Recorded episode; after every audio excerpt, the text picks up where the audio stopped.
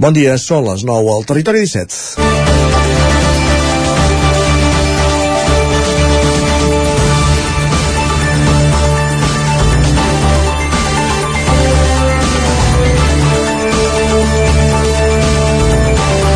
Dilluns a la tarda va córrer com la pólvora per grups de WhatsApp i després també per les xarxes socials un vídeo de dos minuts on es veia dos homes agredint a un tercer envoltat de dones que el, que el protegien amb objectes contundents i un d'ells ensangonat al centre de Vic, en concret al carrer Manlleu. Les reaccions, quan va ser públic a les xarxes socials, van ser les habituals. Vic ja no és el que era, això abans no passava, etc etc etc. És normal barallar-se al mig del carrer? No, i portar armes blanques, com explicàvem que s'està normalitzant entre els joves divendres a la tertúlia arran de la baralla tumultuària de Sant Feliu de Codines. Per sort no, no és general, però sempre hi ha hagut col·lectius, més o menys minoritaris, que n'han dut. És agradable presenciar o patir escenes com aquesta? Gens ni mica. És habitual? No, per sort. És nou? Tampoc. Ni a Vic, ni a Manlleu, ni a Sant Feliu de Codines, ni a Granollers, ni a Camprodon. De baralles n'hi ha hagut sempre. Aquesta vegada provoquen renou l'hora, a ple dia, el lloc, al centre de Vic i el testimoni audiovisual. La violència, ens agradi o no, és intrínseca al comportament humà. Cal recordar que aquest any ha començat sense anar més lluny una guerra a Europa. Que cal tendir a minoritzar-la, aquesta violència, i a condemnar-la? Evident que sí. Que cal un debat serè? També. I que cal parlar-ne? També, però parlem de tot també de les crisis econòmiques que anem arrossegant, de la pèrdua de poder adquisitiu, de la pobresa i de les situacions al límit que aquesta comporta. No estem justificant res, però si en volem parlar, aquests són elements que també cal tenir a la taula. I segurament tindrem molt més a gratar que no a la reacció fàcil imperant en un sector de la població que crida molt, però poques solucions aporta. És dimecres, 9 de novembre de 2022. Comença el Territori 17, com cada dia a la sintonia de la veu de Sant Joan, Ona Cotinenca, Ràdio Cardedeu, Ràdio Vic, al 9 FM i ens podeu veure també a través de Twitch, al 9 TV i YouTube. Territori 17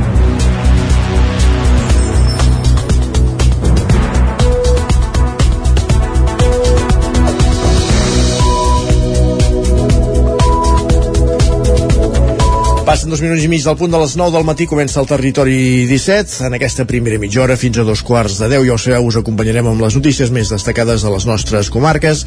Osona, el Ripollès, el Vallès Oriental i el Moianès en connexió amb les diferents emissores que dia a dia fan possible aquest programa. També farem un cop d'ull a la previsió del temps de la mà d'en Pep Acosta, com cada dia des d'una Codinenca, i anirem al quiosc a veure quines són les portades dels diaris. Avui dimecres, recordem, 9 de novembre. A dos quarts en punt, cròniques des del tren, a la tren d'Alba amb l'Isaac Muntades recollint les cròniques dels oferts usuaris de, de la línia R3 que aquests dies més que mai està d'actualitat i a l'entrevista anirem fins a Ràdio Televisió Cardedeu. En companyia d'en Pol Grau parlarem, com avançàvem ahir, amb el cantautor Roger Canals. Uh, trobada l'entrevista serà el torn d'escoltar una nova entrega del Premi de Narrativa Curta La Gralla al 9-9 amb el suport de l'institució Puig Porret avui el segon premi d'aquesta sisena edició el senyor Genís de Lluís Montoliu de Vic Arribarem, si el temps ho permet, fins a, les 10 amb música i a les 10 ens tornarem a actualitzar amb les notícies més destacades de les nostres comarques, la previsió del temps i avui ens visiten Jordi Givert, des d'Ona Codinenca, amb una nova edició del Territori Sostenible. Amb ell arribarem a dos quarts d'onze i a partir d'aquí, les piolades, el més destacat que hem trobat a Twitter. I tot seguit en Jordi Solem amb la secció d'Alegria Interior, ja ho sabeu, per conèixer-nos interiorment, la secció de PNL que ens acompanya cada 15 dies per acabar el programa amb el Lletra Ferits i avui anant a altre cop a Ràdio Televisió Cardedeu a fer un cop d'ull amb un altre dels vermuts literaris del Tarambana i avui conversant amb l'escriptora Anna Manso, autora d'un cor de neu.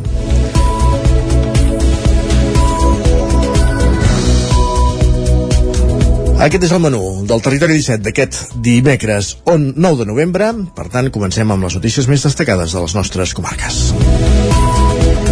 La Guàrdia Urbana de Vic identifica tres persones per una baralla al mig del carrer Manlleu. Sergi Vives. Va passar aquest dilluns a la tarda pels vols de dos quarts de quatre i l'enregistrament fet per alguns veïns ha circulat a través de les xarxes socials i dels grups de WhatsApp. Alguns dels implicats en la baralla portaven objectes contundents i n'hi havia que presentaven ferides. L'enfrontament va generar expectació i incredulitat entre els vianants per la violència que s'hi va veure. La Guàrdia Urbana ha informat que actuarà administrativament i penalment contra els implicats. Al lloc dels fets també s'hi van desplaçar els Mossos d'Esquadra. L'Ajuntament de Vic ha condemnat els fets a través de les xarxes socials i ha anunciat tolerància zero davant d'actuacions violentes com aquestes. Ripoll aprova el Pla Director Verd Urbà i la CUP demana la incorporació d'un jardiner municipal. Isaac Muntades des de la veu de Sant Joan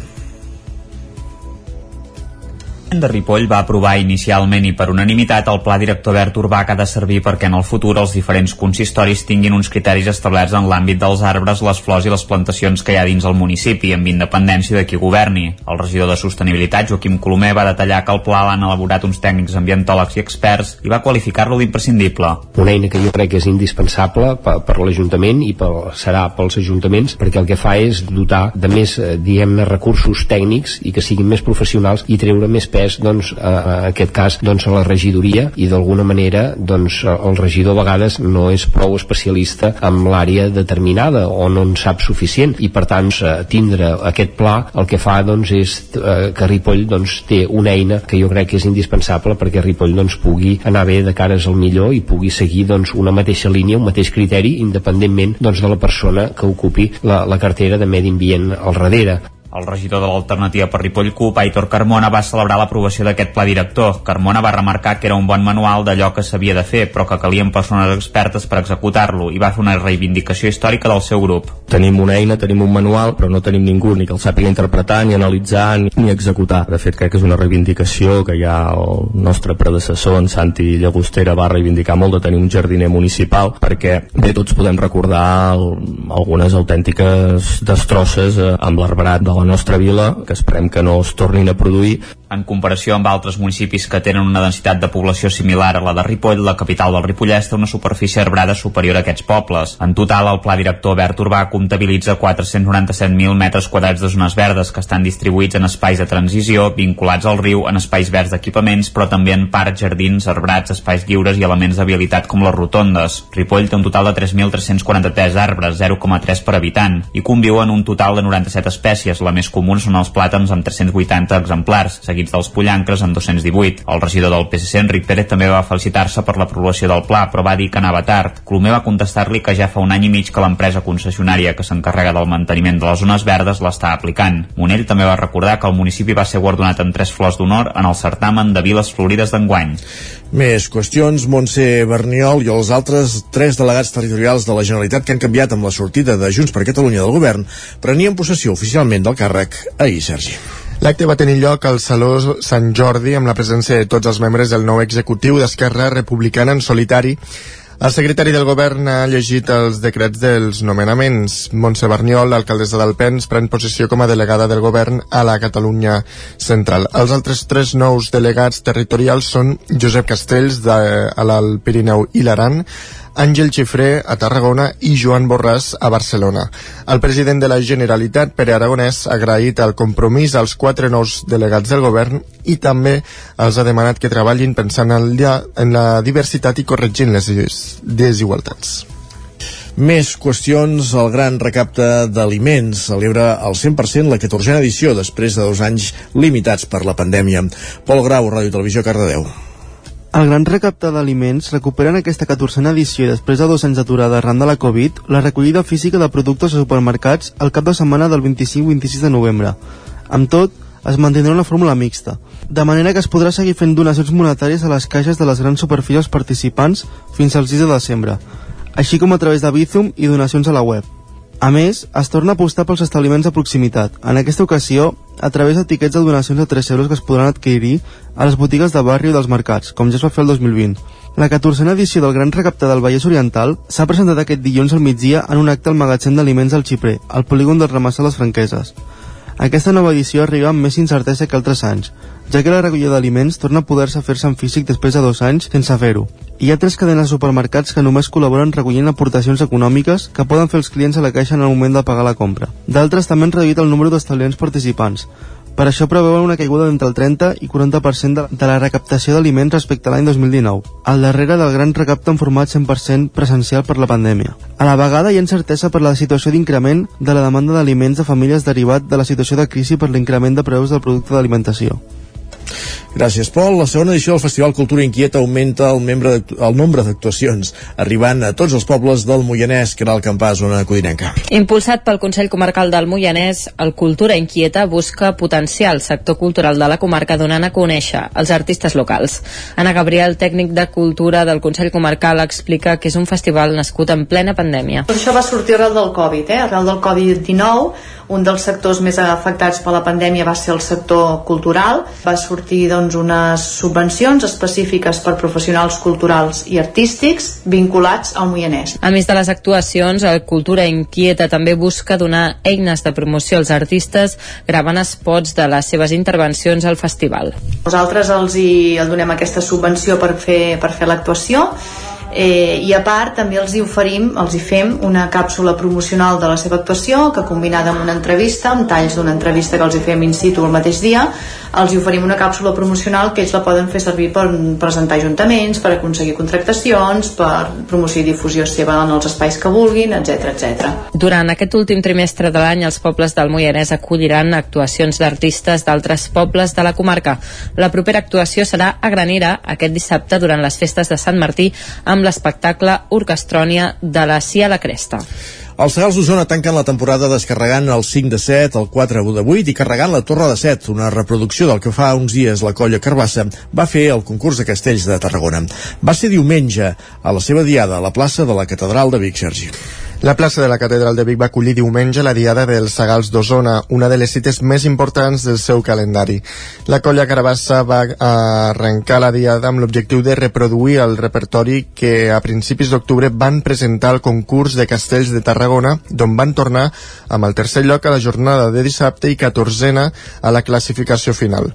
En el que va ser la penúltima jornada de la temporada, diumenge els Sagals van optar per iniciar la jornada completant amb fiabilitat el 5 de 7 una construcció que han anat superant amb solvència en la que ha estat la temporada de la represa, una temporada va arrencar el passat mes de juliol coincidint amb la Festa Major de Vic. Griselda Riera és la cap de colla. Els resultats han acabat sent molt millors dels que ens esperàvem. Vull dir, vam començar dient, Uah, com a molt farem castells de vuit a diada, i ja els vam fer per Festa Major, en vam fer a concurs, i avui en tornarem a fer. Vull dir, més que contents amb els resultats que hem tingut. En la segona ronda i després d'un intent desmuntat, eh, desmuntant eh, van aconseguir descarregar un 4 de 8. A la segona part van poder fer l'aleta, eh, la torre de 7, que els va caure quan estaven descarregant. Els Sagals tancaran temporada aquest diumenge a Vilanova i la Geltrú i un cop finalitzada començaran a preparar la vinent que arrencarà en el marc del 25è aniversari de la colla, Grisel de Riera. Ara ens queda una actuació a Vilanova i la Geltrú la setmana que ve i després hi ha vacances fins, fins a tornar-hi. Uh, la temporada que ve esperem tenir fitxatges, que gent que fa temps que no ve es vagin incorporant, perquè hi ha gent que encara no, no ha tornat a venir a fer castells, falta acabar de, de fer gran la colla una mica més cada dia i, i anar creixent. Un aniversari que coincidirà amb el Mercat del Ram de Vic. Esports. I en pàgina esportius expliquem que un centenar de persones van rebre ahir part de l'equip del Club Patinatge Artístic Tona que aquest cap de setmana i en el marc dels World, Roller, World Skate Games s'ha proclamat campió del món en la modalitat de show petit. Amb banda sonora, pancartes i cartells ahir al matí, un centenar de persones rebien a l'esplanada de la Canal l'autobús que ha portat fins a Tona eh, part de l'equip del Club de Patinatge Artístic del poble que aquest cap de setmana s'ha proclamat campió del món en la modalitat de show petit un títol que han guanyat al World Skate Games que s'ha disputat a Buenos Aires, a l'Argentina. Puntuals a dos quarts de dotze, l'expedició era rebuda entre abraçades i alguna llàgrima pels familiars, amics i veïns del poble que s'han volgut sumar a la benvinguda. Amb el cansament visible, després de gairebé 20 hores de tornada, els ja campions del món asseguraven no haver tingut temps encara de pair la victòria. L'equip, format per 10 patinadores i dos patinadors, han comptat eh, aquests dies de competició amb el suport del president del club, Rafael Torres, que assegura que l'èxit, en el cas del Tona, és la suma i el resultat de tota la feina que s'ha fet en els últims anys. Bueno, imagina't, home, imagina't no, però sí que no com a objectiu principal, però nosaltres l'objectiu principal era que el club es convertís en un club familiar, un club que, que tothom que arriba s'hi senti benvingut, de treball, de, de, moltes, de moltes virtuts, que si les ajuntes totes i quadra, doncs passa el que ha passat. Per Torres, eh, que gran part de l'equip al forn patinadors i patinadores arrelats al Club to Tonenc ha permès que arribin amb experiència als grups de show, una modalitat cada vegada més exigent. És que ara resulta que el show s'ha quasi professionalitzat en molts aspectes, amb tècnica, amb atrezzos. Llavors, no té sentit portar grups sense preparació, perquè després les noies el que agafen són decepcions. Amb la mirada posada en la següent temporada, el grup de show petit tancarà l'any amb el Campionat del Món, els de Barcelona, Catalunya i Espanya i una tercera posició a l'europeu.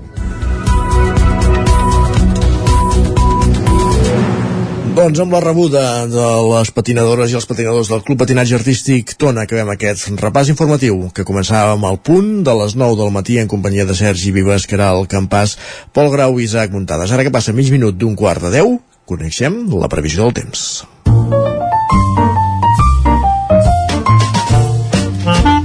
Casa Terradellos us ofereix el temps. I per conèixer-la alguns l'ha de presentar i aquest mestre de cerimònies és sempre Pep Acosta. Tornem a una codinenca. Pep, bon dia. Hola, molt bon dia a tothom.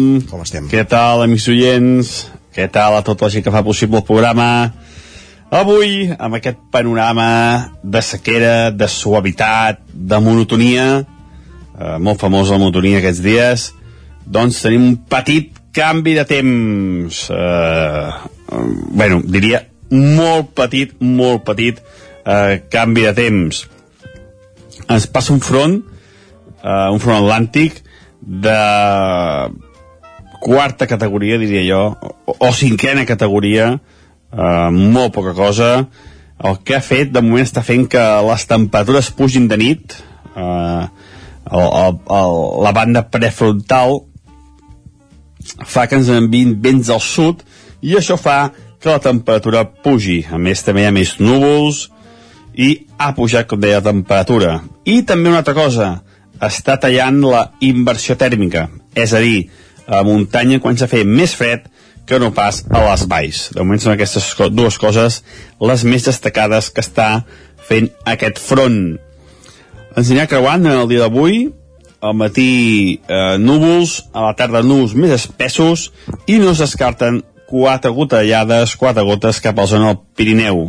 Cota de neu, 2.400-2.500 metres.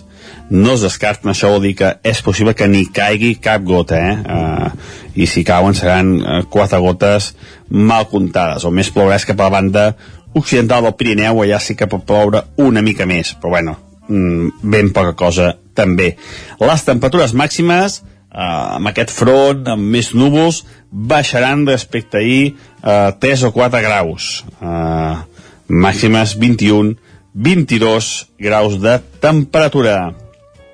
De cara als pròxims dies, aquest front obrirà les portes a una mica més de vent de nord i les temperatures poden baixar una mica eh, de cara al cap de setmana però bueno, veurem perquè hi ha bastant incertesa amb el temps dels pròxims dies sembla que es pot animar, més pluja eh, però com deia, molta, molta incertesa i veurem com acaba anant tot plegat.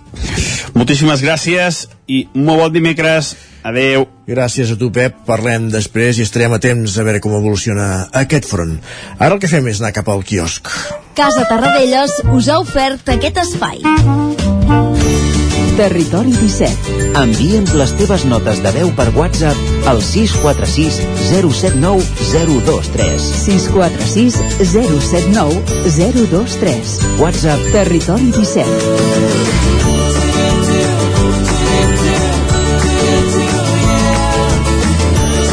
Territori 17. Som a Facebook, Twitter i Instagram amb l'usuari Territori 17.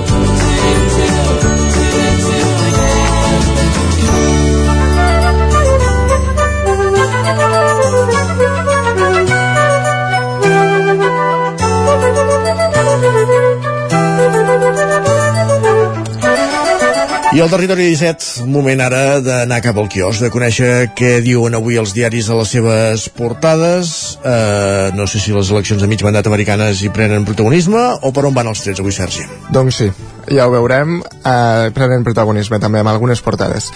Doncs comencem pel punt avui, que encapçala la portada amb el titular Espies i mentires.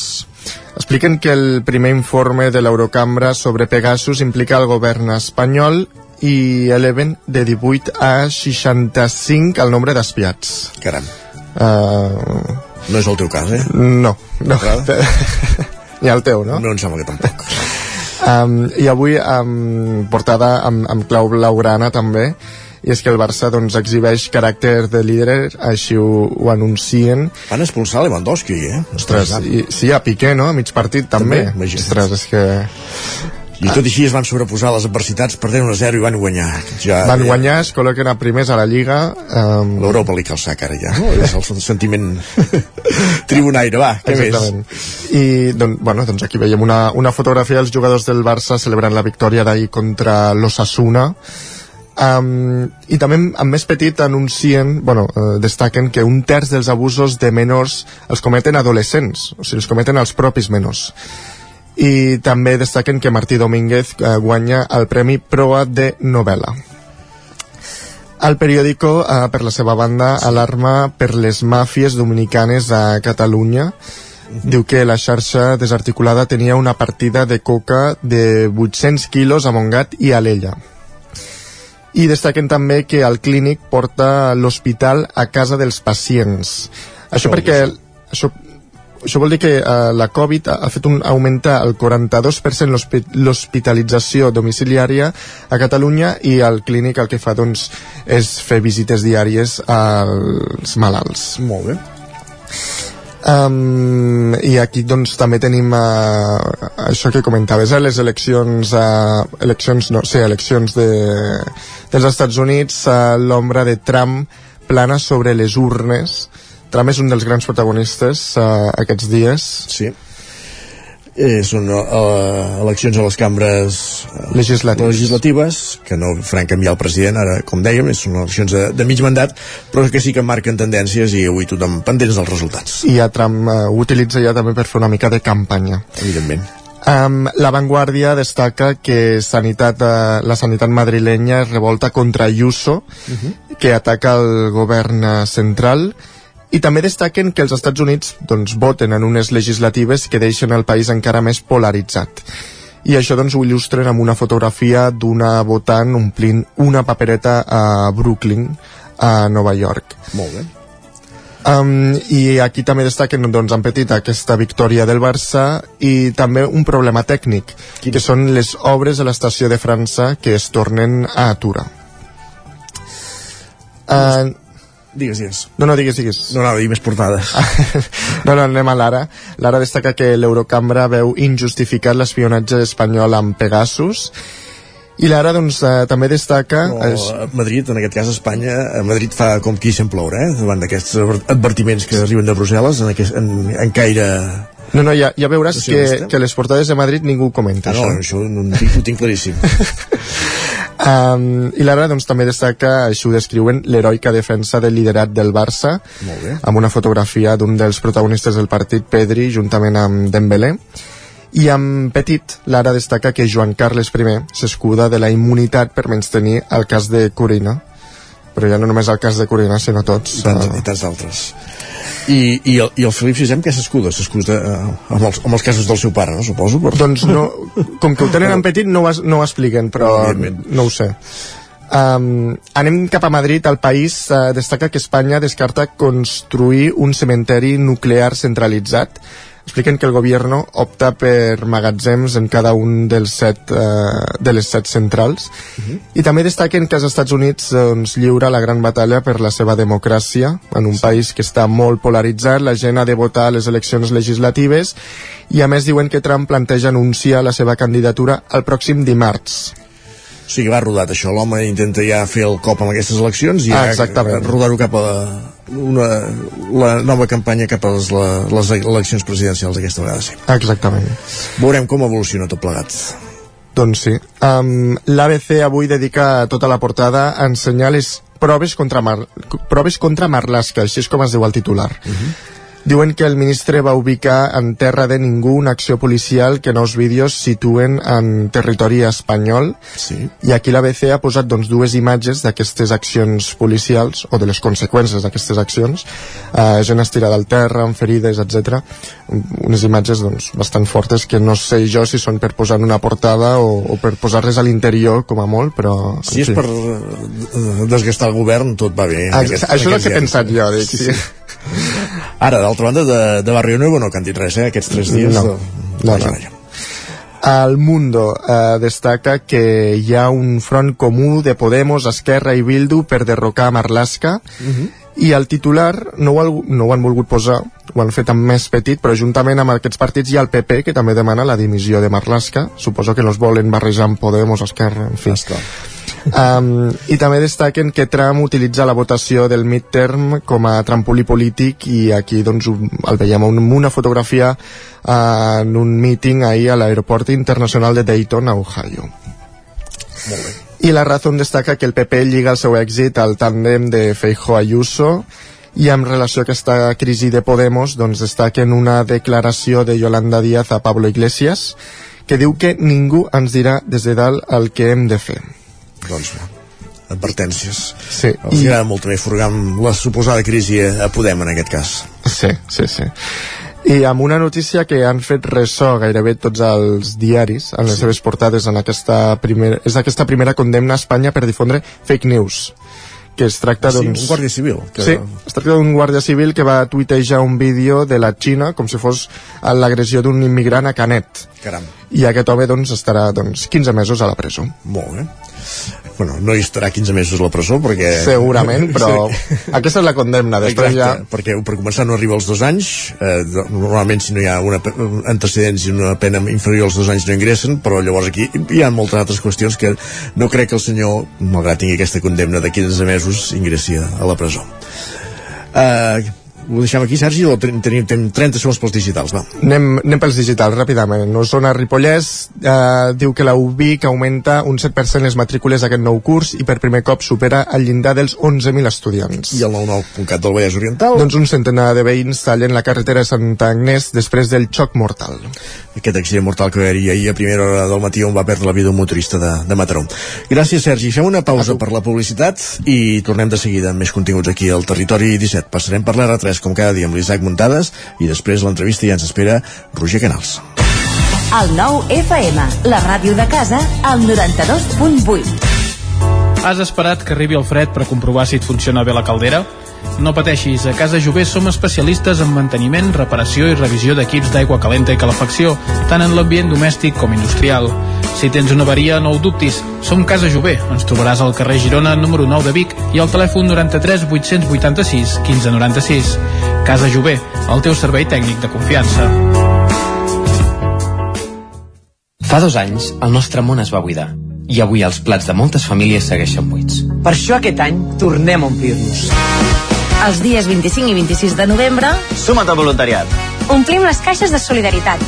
Omplim el banc dels aliments. Registra't a granrecapta.com. Ajudar a omple. Amb Pradell estalvio energia i cuido la meva butxaca i el medi ambient. Posa't en mans a Pradell, són experts en calderes de gas i condensació, estufes de pèl·let, energia solar, terres radiants i geotèrmia. Pradell instal·la calderes de biomassa per a particulars i per a empreses. Si vols estalviar un 50% en consum, contacta amb Pradell i passa't a les energies renovables. Pradell som a l'Avinguda Països Catalans 27 de Vic. Telèfon 93 885 1197. Pradell.cat. Cobertes serveis funeraris. Els nostres tanatoris estan ubicats en els nuclis urbans més poblats de la comarca d'Osona per oferir un millor servei. Tanatori de Vic, Tanatori de Manlleu, Tanatori de Centelles i Tanatori de Roda de Ter. Sabem que són moments difícils i per això el nostre compromís és atendre-us en tot moment amb un tracte humà, sensible i respectuós. Cobertes serveis funeraris. Telèfon 24 hores 93 883 23 46. Al mirador del Puigsecalm hi trobareu un espai agradable amb la mirada posada en la gent gran, enmig de la natura, a només 15 minuts de la vall del Gès. Busquem oferir la millor atenció personalitzada per a tots els nostres usuaris. Tot des d'un lloc privilegiat al cor de la Vall d'en Bas, amb vistes al Puigsecalm. Residència al Mirador del Puigsecalm, un capital humà al servei de les persones. Trobareu tota la informació a miradorpuigsecalm.cat. Cocodril Club. Si t'agrada la bona música dels anys 60, 70 i 80, escolta el 9 FM als matins de dissabtes i diumenges d'11 a 1. És el temps del Cocodril Club, tot un clàssic de la ràdio, amb les bases del pop-rock, les llegendes, les cançons que s'han convertit en autèntics himnes. Recorda, dissabtes i diumenges al matí, d'11 a 1, al 9 FM 92.8. Cocodril Club, el programa revival de l'Albert Malla. Hasta luego, cocodrilo. El 9 FM, el 9 FM, el 9 FM, el 9 FM, el 9 FM.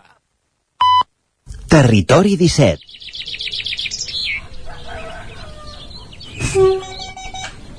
A Tren d'Alba. Cada dia els usuaris i usuàries de la línia R3 de Rodalies que veuen sortir el sol des d'un vagó ens expliquen les gràcies i les penes del primer comboi que uneix Ripoll i Barcelona o les feixugues jornades amb el tren després de treballar. Benvinguts a Tren d'Alba, i avui acabem la nova sèrie de Netflix de catàstrofes sobre l'R3 que es van produir durant el cap de setmana i que us havíem d'explicar. L'últim capítol es va produir aquest dissabte al matí amb una avaria d'un sensor del pas a nivell del passeig Regull de Ripoll, que va deixar la barrera baixada durant unes 3 horetes, i ningú podia travessar la via. Per tant, es va haver de tallar el trànsit a la zona per evitar accidents. El regidor de serveis al territori, Joaquim Colomer, va ser dels primers a detectar l'avaria i va explicar a Twitter que la persona que havia de solucionar el problema venia de Terrassa i havia de parar a Vic per agafar el material per poder-ho fer. Colomer va denunciar la manca d'efectius i que s'hauria solucionat més ràpidament si hi hagués una base de manteniment a Ripoll, que no estaria ni a 300 metres del lloc on es va produir l'avaria. El propi Colomer va haver d'entrar al túnel per veure que no venia cap tren i fer passar una família amb bicicletes i cadiretes que no podien passar de cap altra manera. A més a més, al matí també es va haver d'interrompre el servei entre Vic i Torelló per una avaria a la catenària que es va poder solucionar en poca estona, afortunadament. Ja veieu que tot ha estat un desastre. Però què hi farem? Va, ens retrobem demà amb més històries del tren i de l'R3. Territori 17, el 9 FM, la veu de Sant Joan, Ona Codinenca, Ràdio Cardedeu, Territori 17. Minut i mig que passa de dos quarts de 10 del matí.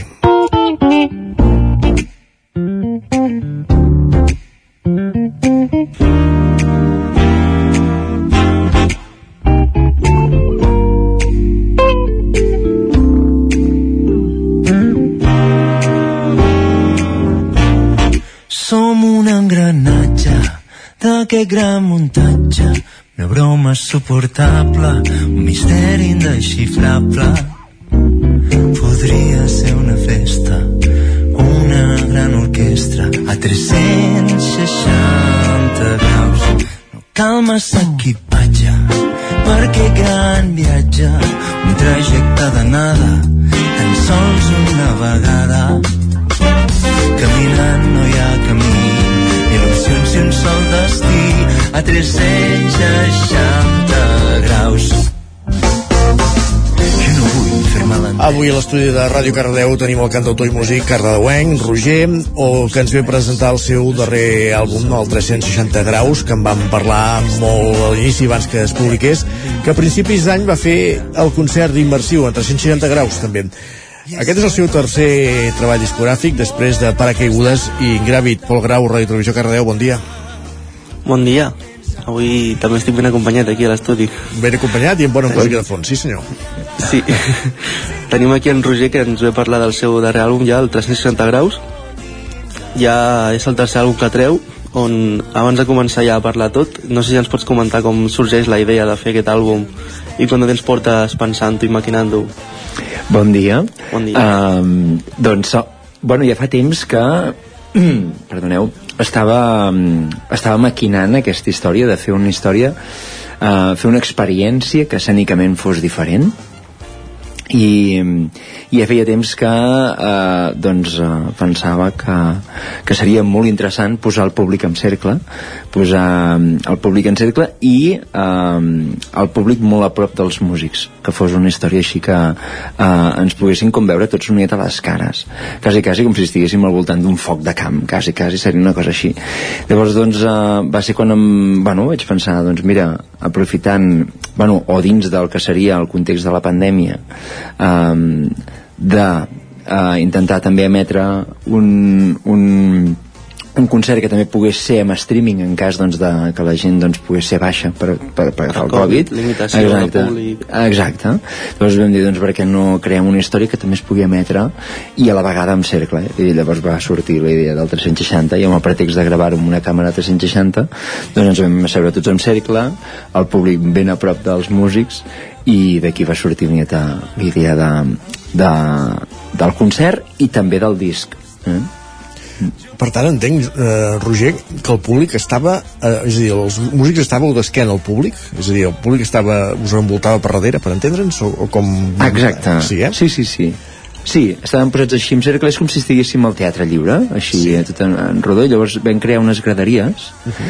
um, així doncs a, a cada un dels laterals, a quatre laterals, un hi havia com tota la platea, que és, és també ascendent, llavors a sobre l'escenari, que és quadrat, uh, vam, vam crear com un, com unes graderies i la gent doncs uh, sí, sí, bueno uh, uh, vull dir, vam fer que, com tres files i la gent doncs veia igualment sí que és veritat que el músic que tenies al davant li veies el clatell, però el que tenies a davant doncs el veies de molt a prop Exacte. i li veies la cara, sí ja per, per fer-ho realitat vas, vas començar un barcami vas iniciar un barcami mm. Esperaves el resultat que, que, que ha tingut? Que, spoiler, l'ha aconseguit.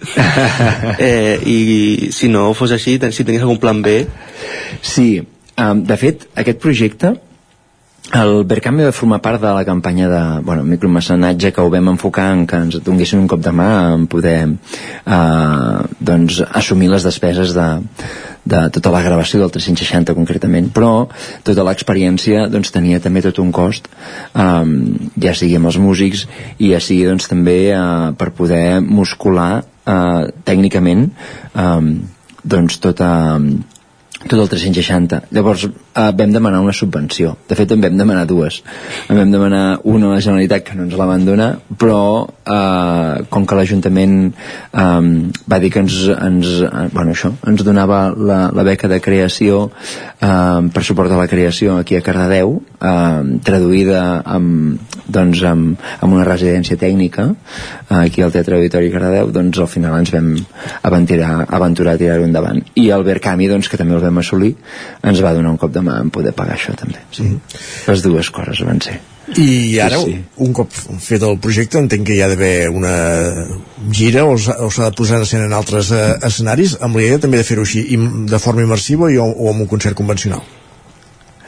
Hi ha les dues opcions. La, la, a nosaltres ens encantaria fer-ho al format immersiu i així ho hem ofert. El que passa és que també entenem que mm, bueno, la majoria d'espais no estan preparats per això i, i llavors doncs, també cal una inversió, és a dir, el, el, tot el muntatge del 360 té un cost eh, que, que tampoc no deu ser fàcil doncs, de, de, de programar d'una forma eh, doncs així sí, senzilla, vull dir, ha d'estar Sí, i també està bueno, planejat fer-ho de forma convencional també, eh? vull dir que, que sí, amb, amb el format frontal també funciona, i inclús posant la càmera també en format frontal encara que sigui 180 i 180 això també està previst i mm, començarem la nostra gira oficial el dia 4 de, de febrer al Festival Barnassans allà farem una estrena amb una estrena oficial i després d'allà ens eh, en principi saltem cap a la nova Jascava de Terrassa i hi ha altres dates que,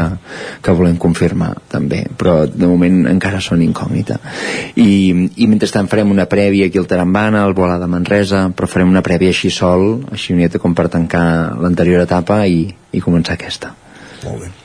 Ja pels, pels que no puguin assistir o no van poder assistir tens aquí unes ulleres per, sí. perquè puguin veure des de casa ells també el, Sí, eh, es, es veu? Sí, Sí. vaig enfocar aquí, oi? Sí. Doncs, uh, doncs sí, això és el format, és el packaging així com curiós d'aquest CD. Um, això en realitat va amb una bossa, el CD encara no el tenim, eh, el CD físic, el que és la galeta. La galeta anirà aquí amb un puntet d'aquests així de cotó i estarà aquí enganxat i tindrà com aquest disseny. I la gent es pensa que, bueno, això sembla un, un CD, però en realitat no és un CD, són unes ulleres. sorpresa. Sí, sorpreses, no? Això es desplega i es converteix en unes ulleres um, per poder veure vídeos de realitat augmentada, en realitat eh, immersiva. Bueno, um, són unes ulleres unes Google Card saps? així pots veure com vídeos de 360 aquí poses el, el mòbil amb el poses el vídeo. mòbil aquí. I el, el mòbil que l'opció de YouTube ja et deixa com dividir la pantalla i llavors el tanques i pots mirar doncs el, el vídeo. Uh, si tu escaneges aquí uh, aquest codi aquest codi te'n vas a un landing on hi ha tots els vídeos que nosaltres hem gravat amb 360 que de fet ara són dos. El del concert que hi ha totes les cançons noves. El del concert que vam fer i a més a més doncs, també una prèvia que vam fer en un estudi de gravació d'aquí d'aquí Cardedeu també el Nan Mercader Estudi doncs vam gravar també el 360 que també el pots veure amb aquesta. I l'idea és que si anem fent concerts doncs els anem allotjant aquí. I la gent doncs, a part doncs, d'escoltar el CD doncs pugui veure el concert en format 360 els que ens escoltin per la ràdio els convidem a recuperar el programa per YouTube després i, i veure aquest, eh, aquest moment que acabem de passar on en Roger ens, ens ensenyava aquest, aquesta, aquesta caixa de CD que es converteix en ulleres i que permet veure aquesta, aquest vídeo en realitat augmentada. Eh, quins músics t'acompanyen en aquest projecte, Roger? Doncs mira, m'acompanyen músics de Cardedeu i mm, he fet un... vaig fer... Eh, va ser un pretext per crear també una nova banda. Um, músics de Cardedeu, una base que hi ha en Cesc Martorell i en Barbot, en Barbot eh, abans estava aquí a Cardedeu, ara ja està a Santa Maria de Palau de Tordera. Um, aquesta base, i llavors juntament amb el Fer Tejero, que sí que és un músic que continuava el projecte de l'anterior disc.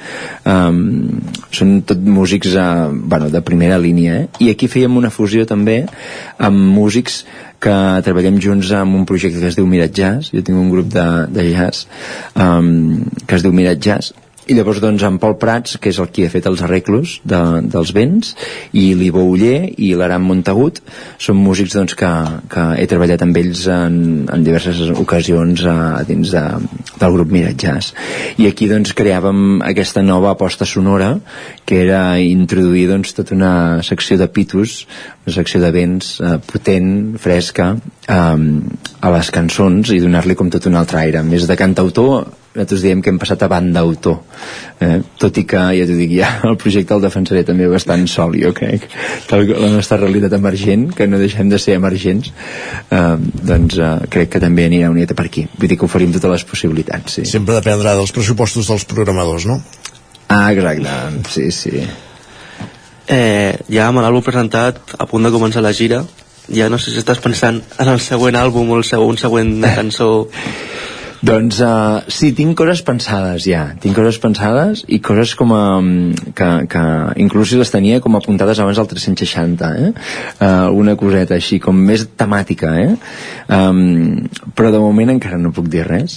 I, i el que sí que havíem pensat és que si doncs, el 360 doncs, comença a fer una gireta bonica i s'allarga, doncs potser doncs, llançar algun single més um, a mitjans finals de l'any que ve i mantenir-lo una com també encara en dansa això sí, vull dir, com de, més de manteniment. Jo penso que ara el que ens toca és amortitzar això que ha sigut un, un gasto al final i, i bueno, en mica en mica doncs poder anar, anar creant també la següent història que això mai, mai hi deixem de pensar les idees sempre venen sempre, sí, sí, sempre, la, la, sempre estem bullint fent bullir l'olla Uh, més enllà més enllà de la branca de, del jazz que, que abans esmentaves el pas aquest de cantautor a, a banda-autor a més enllà de, també de la, de la proposta immersiva uh, què ha suposat artísticament diguéssim com han evolucionat les cançons de, de Roger amb, amb aquest nou treball discogràfic? Um, Bueno, aquí en aquest treball, de fet, vaig aprofitar per recuperar mm, dues cançons dels anteriors discos. Um, una miqueta amb la parada de la pandèmia, que de fet just vam presentar un disc abans de la pandèmia i ens vam quedar en blanc, um, sense poder-lo doncs, girar gaire. De fet, vam fer només dos o tres concerts.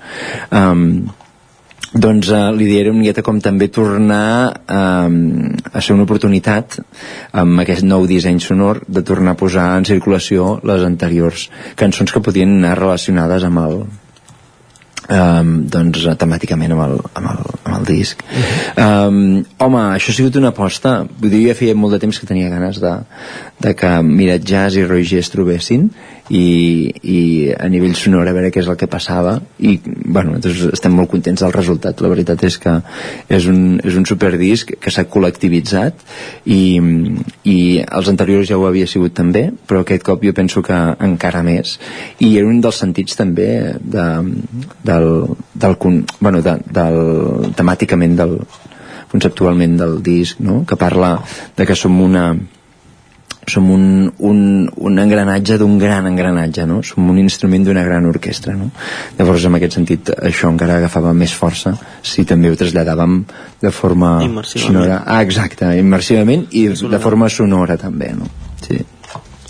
Eh, ara que has dit això que vas presentar l'altre àlbum i va venir la pandèmia, sí. com et va afectar tu que musicalment després de presentar un àlbum nou que amb totes les ganes i de cop no pots clar Uh, bueno, artísticament va ser, va ser una aturada, va ser un, ha sigut un desert. Vull dir, ha costat molt, ha sigut molt dur. De fet, hem estat com molt al límit de, realment, doncs, de deixar de fer, uh, de fer música i, bueno, posar-nos, o en tot cas, a, a afegir-hi, doncs, un, una altra professió. Jo sóc mestre de professió i vaig estar a punt, doncs, de, de fer de mestre. Ho vam poder mantenir una miqueta gràcies a les ajudes, però hem estat molt al límit. I, um, què més em preguntaves, perdona?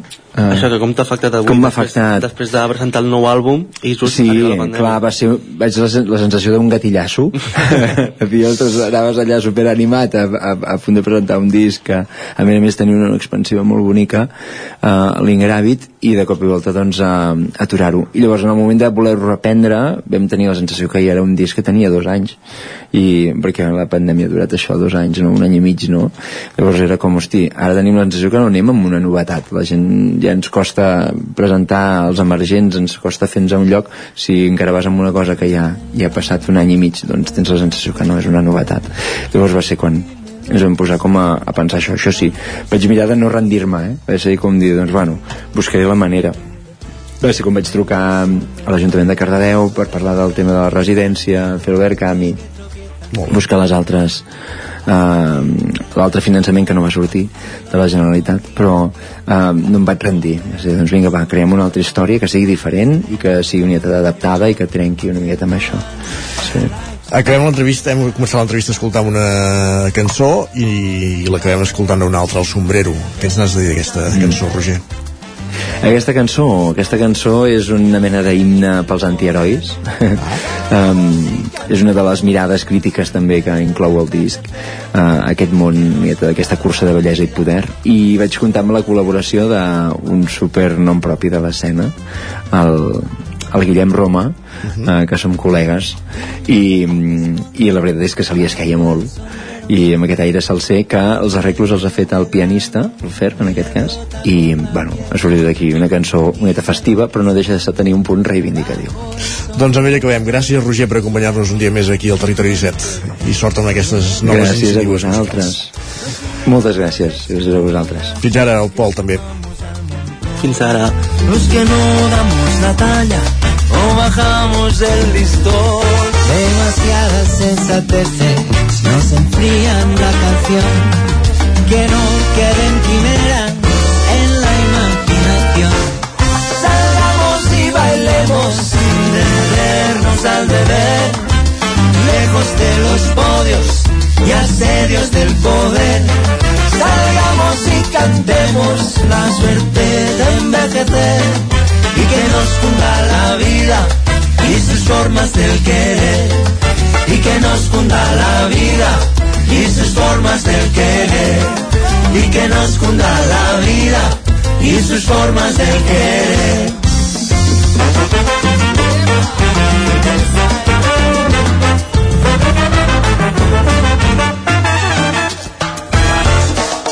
Y que nos funda la vida y sus formas del querer. Ay, miren quién se asoma.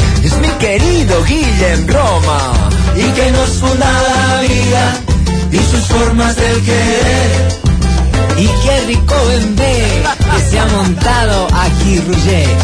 y que nos funda la vida y sus formas del querer Pasen, vengan y gocen de nuestro savoir-faire. Y que nos funda la vida y sus formas del querer. Pero como dice, la vida bonita, la vida que crece.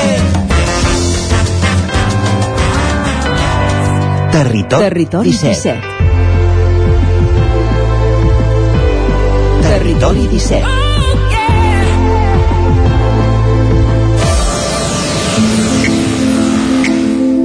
Sisè Premi de Narrativa Curta La Gralla al 9-9, amb el suport de la institució Puigporret.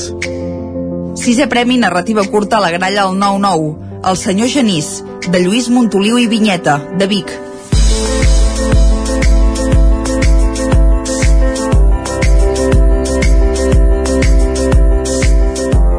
El senyor Genís era un home ja gran, que durant tota la seva vida laboral havia treballat de comptable a les oficines principals d'un taller de confecció.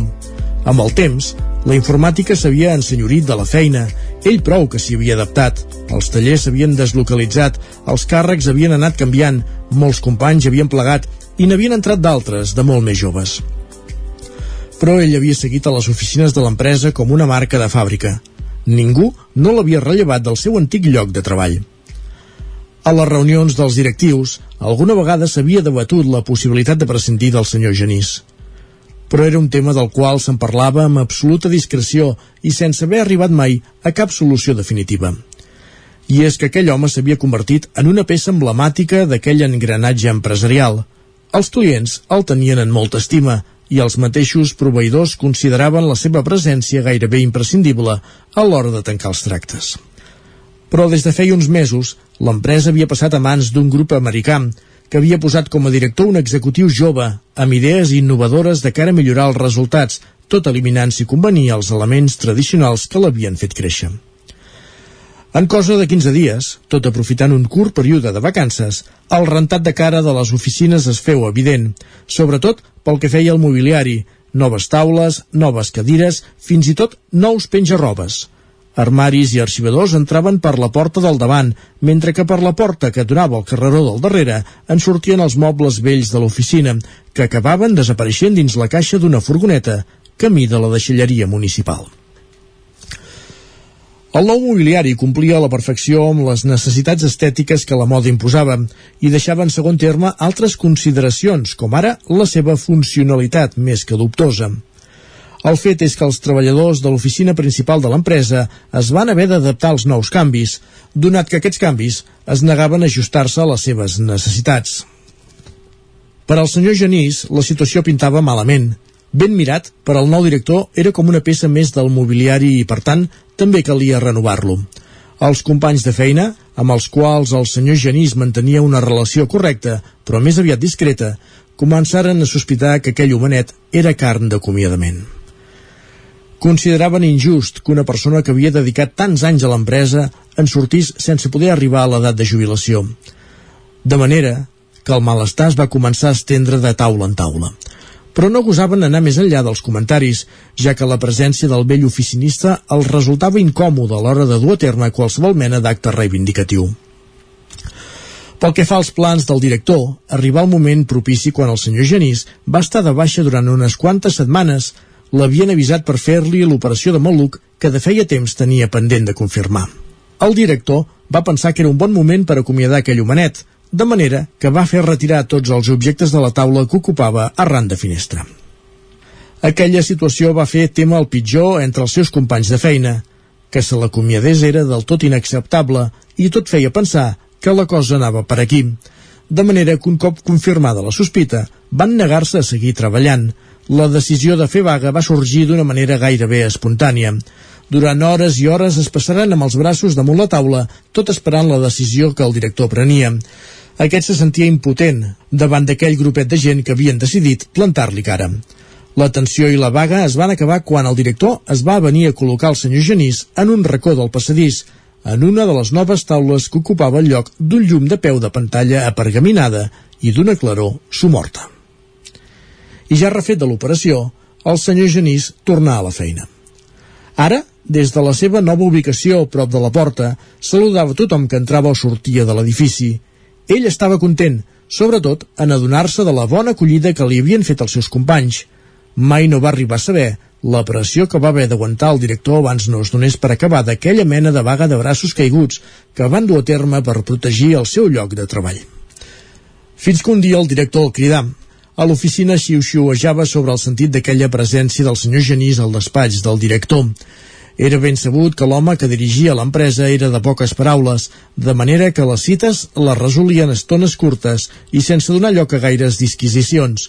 Però en aquesta ocasió, la cita s'allargava massa, la qual cosa feia sospitar que estava passant quelcom fora del que era habitual. Al cap d'una estona va arribar un home vestit de manera impecable, amb una gran maleta en la que es podia llegir el nom de l'empresa que l'enviava, Robotics S.A. El senyor Marçans m'espera, va dir amb un pèl d'arrogància quan la secretària li va demanar el motiu de la seva visita. Després d'una petita consulta telefònica, la noia el va fer entrar al despatx, presidit per una gran taula amb un rètol daurat en el que es podia llegir Eugeni Marsans, director general. En una cadira posada de viatge davant de la taula, el senyor Genís va saludar el nouvingut amb una petita inclinació de cap. El director feu les presentacions oportunes, mentre el vell comptable, ara d'en peus, i el nouvingut feien una discreta encaixada de mans. El representant de Robòtics S.A. obria la gran maleta que havia deixat damunt d'una taula accessòria.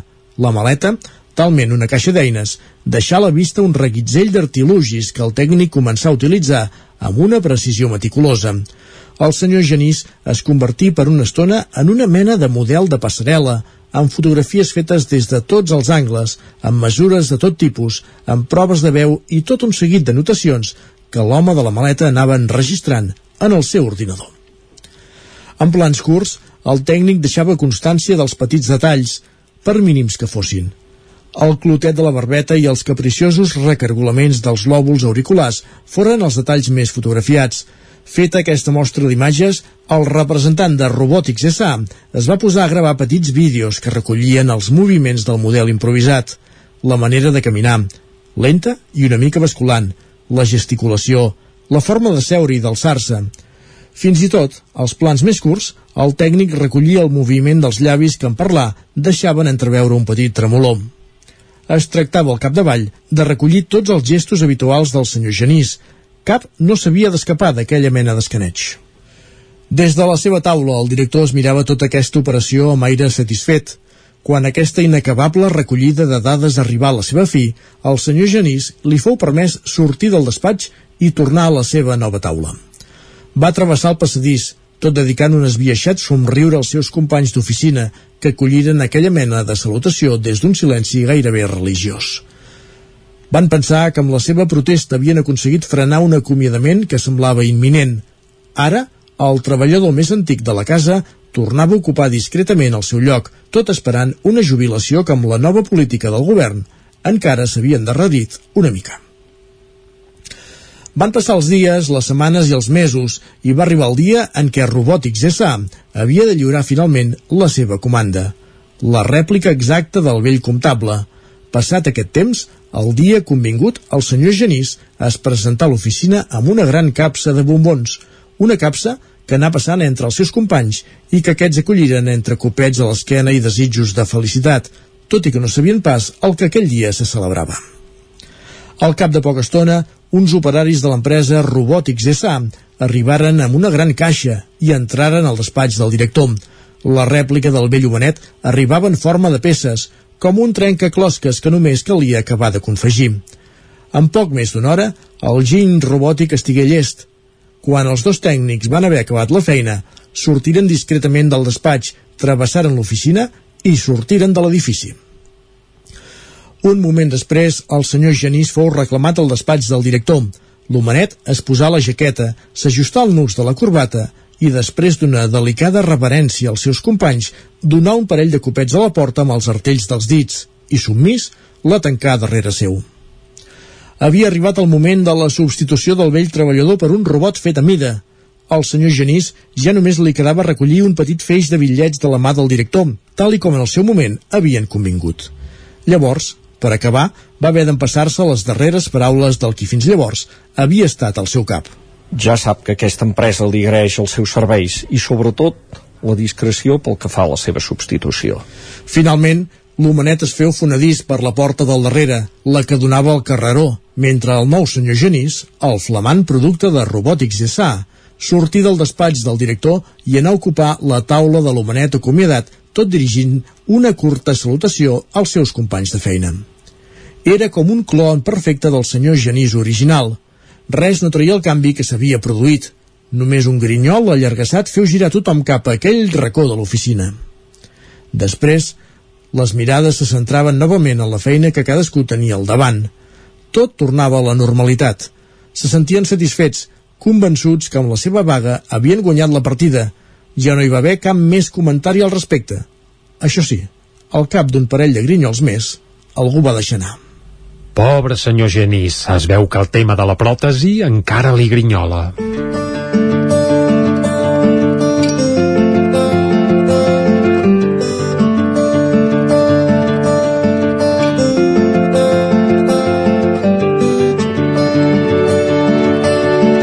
El senyor Genís, de Lluís Montoliu i Vinyeta, segon classificat del sisè Premi de Narrativa Curta a la Gralla al 9-9, amb les veus de... Isaac Moreno, Guillem Sánchez, Jordi Vilarrodà i Jordi Sunyer. Sisè Premi de Narrativa Curta la Gralla al 9-9, amb el suport de la institució Puigcorrets.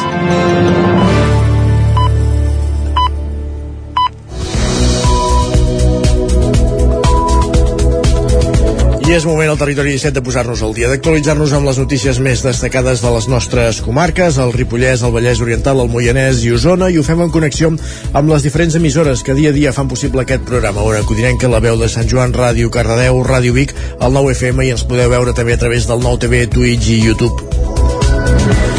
Per explicar-vos aquesta hora que s'ha presentat l'associació K contra l'abús sexual les K escrit amb K i dues As. L'objectiu d'aquesta entitat és escoltar, assessorar i ajudar de forma psicològica i jurídica les persones que hagin patit abusos. L'acte va comptar amb un centenar d'assistents i gràcies al ressò que van tenir asseguren que algunes persones ja s'han posat en contacte amb les impulsores. Sergi Vives. Dissabte, la sala polivalent de les Masies de Rodes va inaugurar l'associació K. Es tracta d'un espai per lluitar contra l'abús sexual. Les osonenques Anna Quero, mare i filla que porten el mateix nom, han sigut dues de les cinc impulsores. Després de la, de la seva experiència es van trobar perdudes i desemparades. És per això que a través d'aquest nou espai volen acompanyar i ajudar en tots els sentits a persones que hagin patit un abús sexual perquè no tinguin el mateix sentiment de soledat que van sentir elles. No hi ha pràcticament res. Tu et trobes en una situació així i no hi ha cap lloc on tu puguis um, acudir, on tu puguis anar a demanar ajuda o simplement a sentir-te resguardada o resguardat i de fet vam pensar que era com bona idea tenir aquesta iniciativa ja que personalment nosaltres, en la meva història, en el meu cas, ens vàrem trobar completament soles i completament desemparades en tots els àmbits. Quan es planteja una, una situació així a casa, eh, clar, no tens experiència en cap d'aquests temes ni en cap d'aquests àmbits. Llavors, eh, ajudarem a les persones a prendre les decisions correctes amb els professionals correctes, tant en l'àmbit jurídic com en l'àmbit sanitari, com, no sé, en qualsevol àmbit que es pugui presentar, per tal de que no vagin tan perdudes com hem anat nosaltres. A més, estan eh, segures que lamentablement l'associació creixerà. Ens agradaria que no hagués de créixer perquè ens agradaria que l'abús sexual infantil o no infantil no existís, però malauradament no és així i, i creiem que, cre que creixerà i molt. L'acte va tenir molt bona rebuda i va acollir un centenar d'assistents. Gràcies al ressò que van tenir, asseguren que algunes persones ja s'han posat en contacte amb elles. Per altra banda, cada divendres les membres de l'associació es trobaran a la sala de plens de les Masies de Roda per poder assessorar i escoltar a les persones que busquen ajuda, tant psicològica com jurídica adjudiquen per 2,7 milions d'euros la doble via que es construirà en un tram d'un quilòmetre 200 metres a la sortida de l'estació del tren de Vic.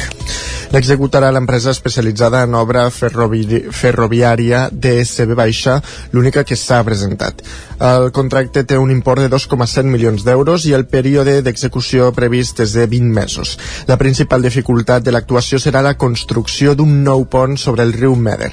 El desdoblament de la via en aquest tram, que forma part de les obres del Pla de Rodalies fins a l'any 2025, farà possible avançar la sortida dels trens a l'estació de Vic, guanyant temps i millorant la connexió amb Barcelona tant en capacitat de freqüències com en eficiència de pas.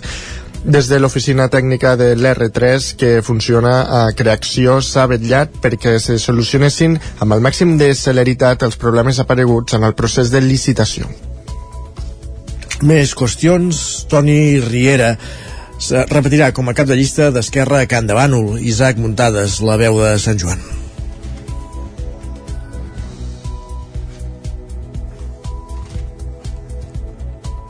L'actual cap de l'oposició a l'Ajuntament de Camp de Bànol, Toni Riera, tornarà a ser el cap de llista d'Esquerra Republicana de Catalunya de cara a les eleccions municipals del maig de l'any vinent. Riera va ser escollit el passat dijous per unanimitat en la darrera assemblea local de militants i simpatitzants del Partit Republicà. El cap de llista d'Esquerra és regidor des del setembre del 2016, quan va substituir a Jaume Garcia en el càrrec. L'objectiu del candidat republicà és donar el tom de l'alcaldia i es va mostrar molt animat després dels bons resultats obtinguts als comicis del 2019, on el seu partit va passar d'un a quatre regidors, aconseguint aconseguint 591 vots i el 32% dels sufragis. Riera va destacar que durant aquest mandat el seu grup ha fet una oposició constructiva i propositiva i que hi han estat a les verdes i a les madures. Quan ha calgut ens hem arremangat a treballar amb l'actual equip de govern per trobar solucions a determinats temes. El tancament que va haver-hi precipitat per part d'ells del carrer Puigmal, que bueno, després de diferents converses van aconseguir de, que es tornés a obrir i bueno, temes com el, com el, de el desajust que hi havia en les factures de l'aigua, que també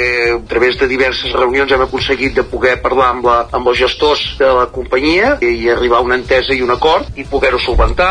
Riera no va avançar cap nom de la propera llista electoral, però va dir que seria un grup renovat, amb experiència i que hi hauria persones amb implicació al municipi, ja que creu que s'han de canviar les dinàmiques perquè Camp de Bànol torni a generar il·lusió, alegria, sentit comú i s'acabi la gandoleria política. El republicà també va avançar un projecte que els agradaria executar pel poble. En els pisos tutelats en les escoles antigues de davant de l'hospital que de fet són dos edificis que si no s'hi executa cap reforma ni, ni s'hi treballa amb ells, edificis així tancats decauen i, i arriben a la ruïna. Tot això és, ho hem d'evitar-ho perquè realment són dos edificis molt aprofitables i val la pena.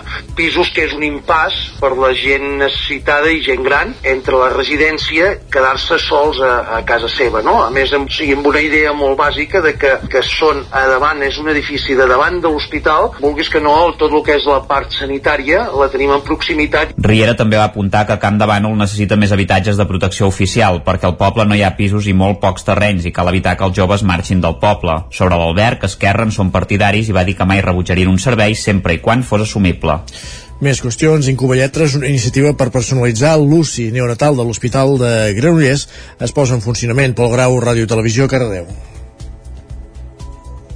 L'Hospital de Granollers acull a les seves instal·lacions l'Incuballetres, una iniciativa solidària que va néixer a principis de 2022, posada en marxa amb l'objectiu de fer més càlides i properes les unitats de cures intensives neonatals, acompanyant així els nadons prematurs que requereixen un control més estricte durant les primeres setmanes de vida. El projecte impulsat per Clara Mierons Medina, juntament amb Maria Rosa Medina, consisteix en crear lletres artesanals personalitzant les incubadores amb el nom de cada nen i nena, aportant així color a les habitacions en un moment tan personal. A més, s'ha comptat amb la col·laboració de l'escola de primària Soler de Vilardell, de Sant Celoni, on els alumnes de quart, cinquè i de primària van dedicar unes hores de classe per poder fer una pluja d'idees, de la qual van sortir diferents propostes.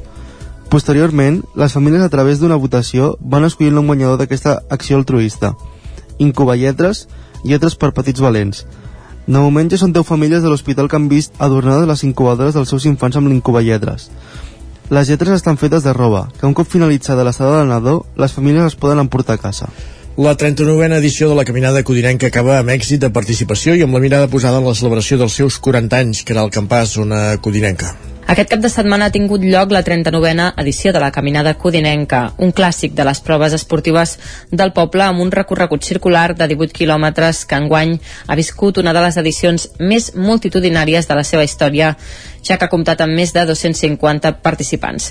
Escoltem com ho valora Laia Guàrdia, presidenta del Centre Excursionista de Sant Feliu. Estem molt contents de com ha anat la 39a Caminada Codinenca per la molt bona participació que ha tingut, ha sigut dels anys en què ha vingut més gent, així que molt bé, fantàstic, fantàstic amb això. En aquesta edició d'enguany també s'ha comptat amb un volum important de voluntaris de totes les edats, incloent-hi un grup de tercer d'ESO de l'Institut de Sant Feliu. I també hi ha hagut la col·laboració de diversos establiments del poble que han ajudat a que la cursa sigui possible. I no és la primera vegada que col·laborem i és molt bonic perquè bueno, se'ls ofereix la possibilitat de tenir una experiència diferent a l'hora que col·laboren doncs, amb una entitat del poble i crec que per tots doncs, és un intercanvi d'experiència molt enriquidor per nosaltres també perquè estem molt contents de, de que ens vingui doncs, que es vingui gent jove donant un cop de mà i que pugen amb molta empenta i amb moltes ganes i això ens il·lusiona moltíssim L'any vinent aquesta prova esportiva popular celebrarà la seva quarantena edició i des de l'organització s'està preparant un esdeveniment especial. Jaume Coll és el guanyador del Premi Verdaguer de Recerca que convoca la Fundació Verdaguer i que distingeix projectes relacionats amb l'obra del poeta Sergi. Coll, escriptor, estudiós de literatura i conegut també com a músic i integrant d'Obeses, ha obtingut el guardó amb la proposta d'estudi i edició de Los Jardins de Salomó, Càntic dels Càntics, considerat un dels cims de l'obra més mística de Verdaguer. Un cop, un cop acabat l'estudi s'editarà com un nou volum de la col·lecció de l'obra completa que va, buscar, va publicant la Fundació Verdaguer. El Premi de Recerca està dotat amb 12.000 euros i es va instituir amb l'objectiu de renovar els estudis verdagueristes i incorporar-hi noves generacions d'investigadors. El jurat, integrat per Maria Carme Bernal, Josep Maria Domingo i Ramon Pinyol, considera que l'edició que planteja Coll és el màxim interès dins del verdaguerisme acadèmic. El premi es lliurarà en un acte a la Casa Museu Verdaguer el dia 10 de desembre. I encara en la pàgina cultural, Sempre t'estimaré, és el títol de l'exposició que es pot veure des de fa unes setmanes a l'ACVIC, al Centre d'Arts Contemporànies. El projecte, creat per l'il·lustrador Ernesto Carratalà, es troba a pocs metres d'una nova edició dels relats fotogràfics, un discurs en aquesta ocasió que en aquesta ocasió protagonitzen el fotògraf Joan Pujol Creus i la poetessa Raquel Santanera. Les il·lustracions d'Ernesto Carratalà es poden veure des de principis d'octubre a l'ACVIC, formen part de diversos moments de la seva carrera i són una reflexió entorn a la immigració i els avenços socials que aquesta implica. Moltes de les idees per a aquest projecte han estat eh, producte de les seves vivències a l'estranger, però també fruit de la diversitat cultural que ha, tinc, que ha pogut copsar en el barri on viu actualment, el Rebell de Vic.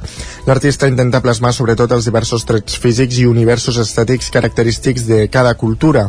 En l'exposició, que ja és la segona que fa Vic, utilitza tinta xinesa, que és el material amb el que sempre ha treballat al llarg de la seva carrera artística. Ernesto Carratala.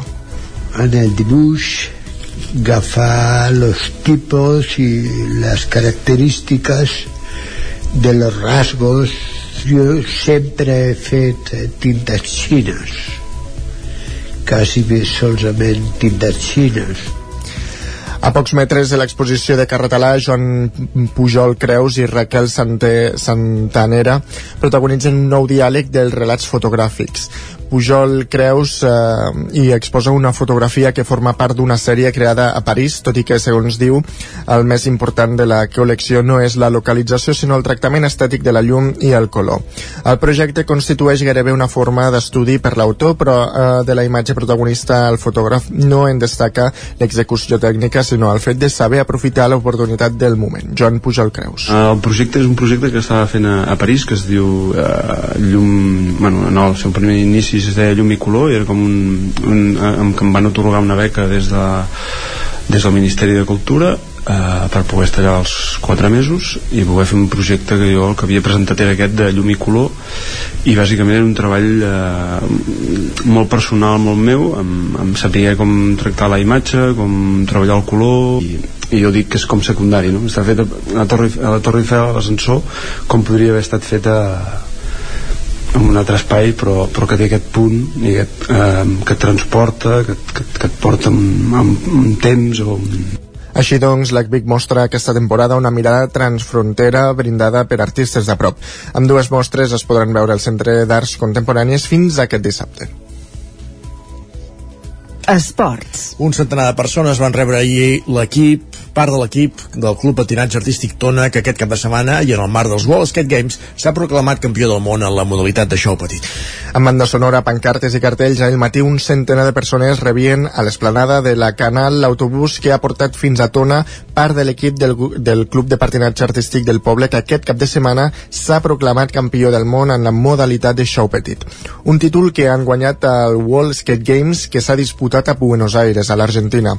Puntuals a dos quarts de dotze l'expedició era rebuda entre abraçades i alguna llàgrima per familiars, amics i veïns del poble que s'han volgut sumar a la benvinguda. Amb el cansament visible, després de gairebé 20 hores de tornada, els ja campions del món asseguraven no haver tingut temps encara de pair la victòria. L'equip format per 10 patinadors i do, patinadores i, 10, i dos patinadors ha comptat aquests dies de competició amb el suport del, president, del president del club, Rafael Torres, que assegura que l'èxit en el cas del Tona és la suma i el resultat de tota la feina que s'ha fet en els últims anys. Bueno, imaginat, home, imaginat no, però sí que no com a objectiu principal, però nosaltres l'objectiu principal era que el club es convertís en un club familiar, un club que, que tothom que arriba s'hi senti benvingut, de treball, de, de, moltes, de moltes virtuts, que si les ajuntes totes i quadra, doncs passa el que ha passat. Per Torres, que gran part de l'equip el formin patinadors i patinadores arrelats al Club Tonenc ha permès que arribin amb experiència als grups de show, una modalitat cada vegada més exigent. És que ara resulta que el show s'ha quasi professionalitzat en molts aspectes, en tècnica, amb atrezzos. Llavors, no té sentit portar grups sense preparació, perquè després les noies el que agafen són decepcions. Amb la mirada posada en la següent temporada, el grup eh, de Show Petit tancarà l'any amb el Campionat del Món, els de Barcelona, Catalunya i Espanya i una tercera posició a l'europeu. Gràcies, Sergi, que veiem aquí aquest repàs informatiu que començàvem al punt de les 10, la previsió del temps tot seguit.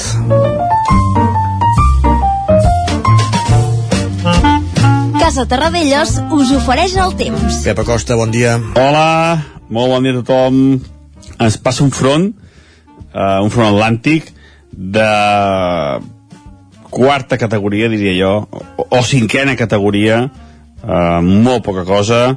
El que ha fet, de moment, està fent que les temperatures pugin de nit, uh, el, el, el, la banda prefrontal fa que ens envien vents al sud i això fa que la temperatura pugi. A més, també hi ha més núvols i ha pujat, com deia, la temperatura. I també una altra cosa, està tallant la inversió tèrmica, és a dir, a la muntanya quan s'ha fet més fred que no pas a les valls. De moment són aquestes dues coses les més destacades que està fent aquest front. Ens anirà creuant en el dia d'avui, al matí eh, núvols, a la tarda núvols més espessos i no es descarten quatre gotellades, quatre gotes cap a la zona del Pirineu. Cota de neu, 2.400-2.500 metres. No es descarten, això vol dir que és possible que ni caigui cap gota, eh? Uh, I si cauen seran uh, quatre gotes mal comptades. O més plouràs cap a la banda occidental del Pirineu, allà sí que pot ploure una mica més, però bueno, mm, ben poca cosa també. Les temperatures màximes uh, amb aquest front, amb més núvols, baixaran respecte a ahir uh, 3 o 4 graus. Uh, màximes 21, 22 graus de temperatura. De cara als pròxims dies, aquest front obrirà les portes a una mica més de vent de nord i les temperatures poden baixar una mica eh, de cara al cap de setmana però bueno, veurem perquè hi ha bastant incertesa amb el temps dels pròxims dies sembla que es pot animar, més pluja eh, però com deia, molta, molta incertesa i veurem com acaba anant tot plegat. Moltíssimes gràcies i molt bon dimecres. Casa Tarradellas us ha ofert aquest espai. Territori 17, el 9 FM, la veu de Sant Joan, Ona Codinenca, Ràdio Cardedeu, Territori 17. I al Territori 17 dimecres, quan passen dos minuts d'un quart d'onze, és moment de Territori Sostenible. Avui, en Jordi Givert, des d'Ona Codinenca, s'han anat a conèixer productors que hi ha al Fòrum Gastronòmic de Barcelona, el Gastronòmic Fòrum Barcelona, que es pot visitar fins avui a, a la Fira Barcelona, a Montjuïc. Avui al Territori Sostenible ens hem acostat fins al Fòrum Gastronòmic de Barcelona, que se celebra aquesta setmana a la capital. Ho fem per veure com eh, productors locals de les nostres comarques venen eh, o busquen nous mercats, eh, sobretot encarat en el món de la restauració. Acompanyeu-nos.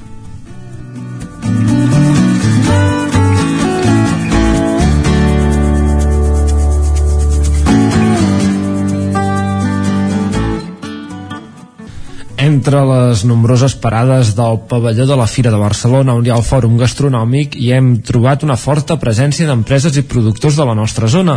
A l'Espai Catalunya hem trobat productors locals, començant per als membres de Fet Osona, on hem pogut parlar amb la Mireia Frank de la cooperativa Sant Bucus i Fausti Bosch de Ratafies Bosch.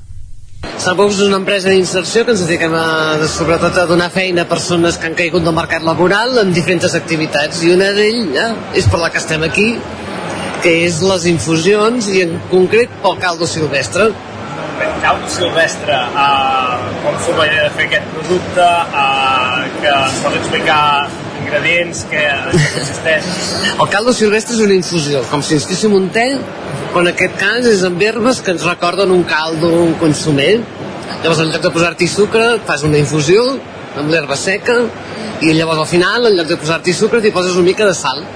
I és com si prenguessis un caldo vegetal Vale. Llavors eh, teniu eh, aquest producte, caldo silvestre i un seguit d'infusions. Eh. Exacte, llavors pots comprar Maria Lluïsa, camamilla, poniol, una barreja digestiva, una barreja de refrescant.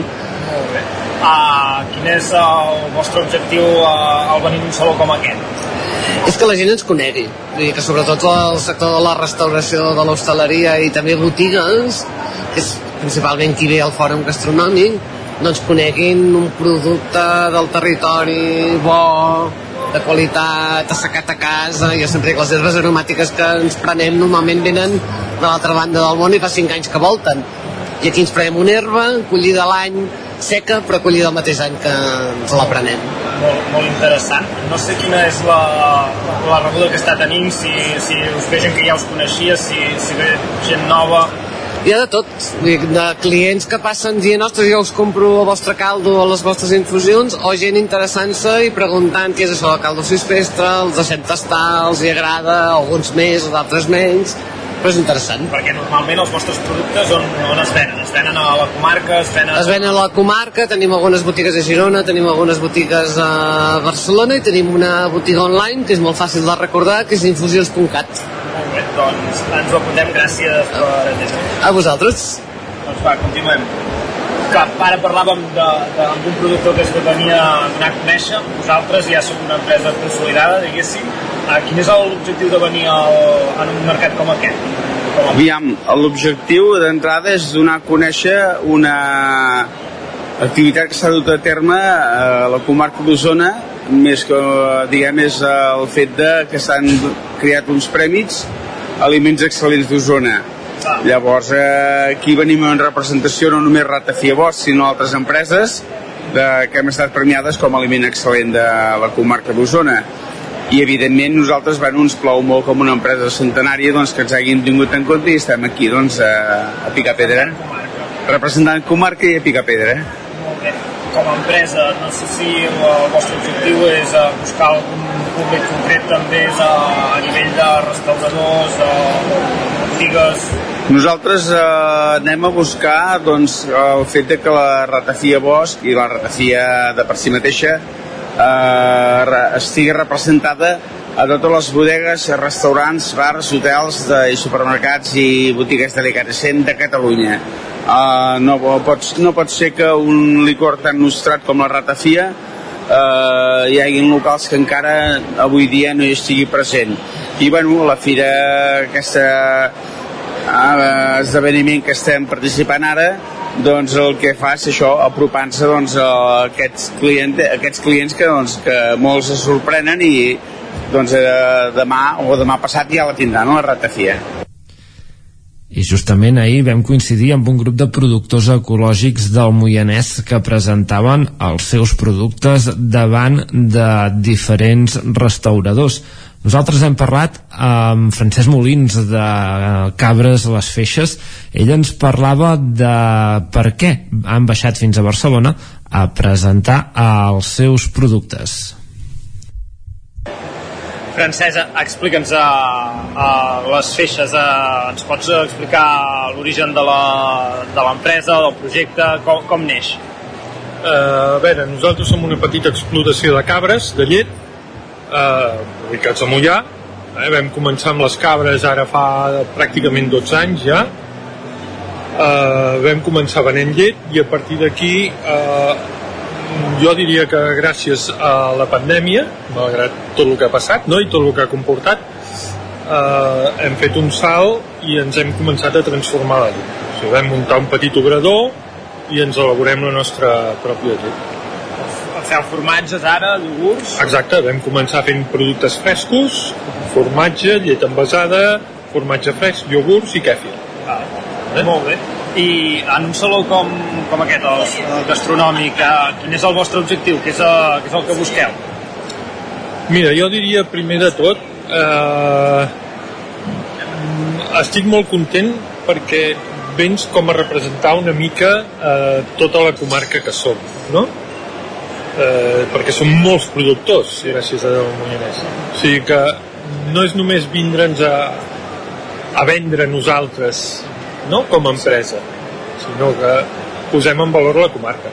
Lògicament sí que després Després uh, pots, pots donar a conèixer els teus productes, uh, la teva clar, empresa vosaltres no sé si veneu més a, a particulars a, sobretot a la comarca si veneu a restaurants o, o que, quin, quin és el vostre mercat diguem? Uh, a veure, uh, com que som molt joves el nostre mercat uh, és el proper, el de la comarca i, i alguna cosa Bages, Vallesos però poqueta cosa més no? Uh, sí que és cert que això ens anirà bé doncs, per acostar-nos més cap, a, cap aquí a la capital, cap, cap a Barcelona. Molt bé. Uh, llavors, uh, tema productes, no sé si ens parlaves de que feu producte fresc, no sé si teniu uh, com a objectiu també anar ampliant productes, fer més tipus de formatge o, o us concentreu de moment amb el que esteu fent? Bueno, uh, la nostra intenció des d'un principi, jo, eh, jo ho he tingut molt clar, no? ha sigut fer un producte fresc de sortida ràpida al mercat, no? un producte que en de proximitat i sostenible, i a partir d'aquí a fer algun formatge més elaborat. De més llarga maduració, i això per acabar de complementar una mica quan puguem tindre pics de llet allò que en diríem excedents i tot per poder-los absorbir. Perquè tota la llet que feu servir és, és de, és de les nostres cabres. Tota. Molt bé. Al Fòrum Gastronòmic també hi havia empreses ecològiques que venien a buscar nous clients al Fòrum Gastronòmic.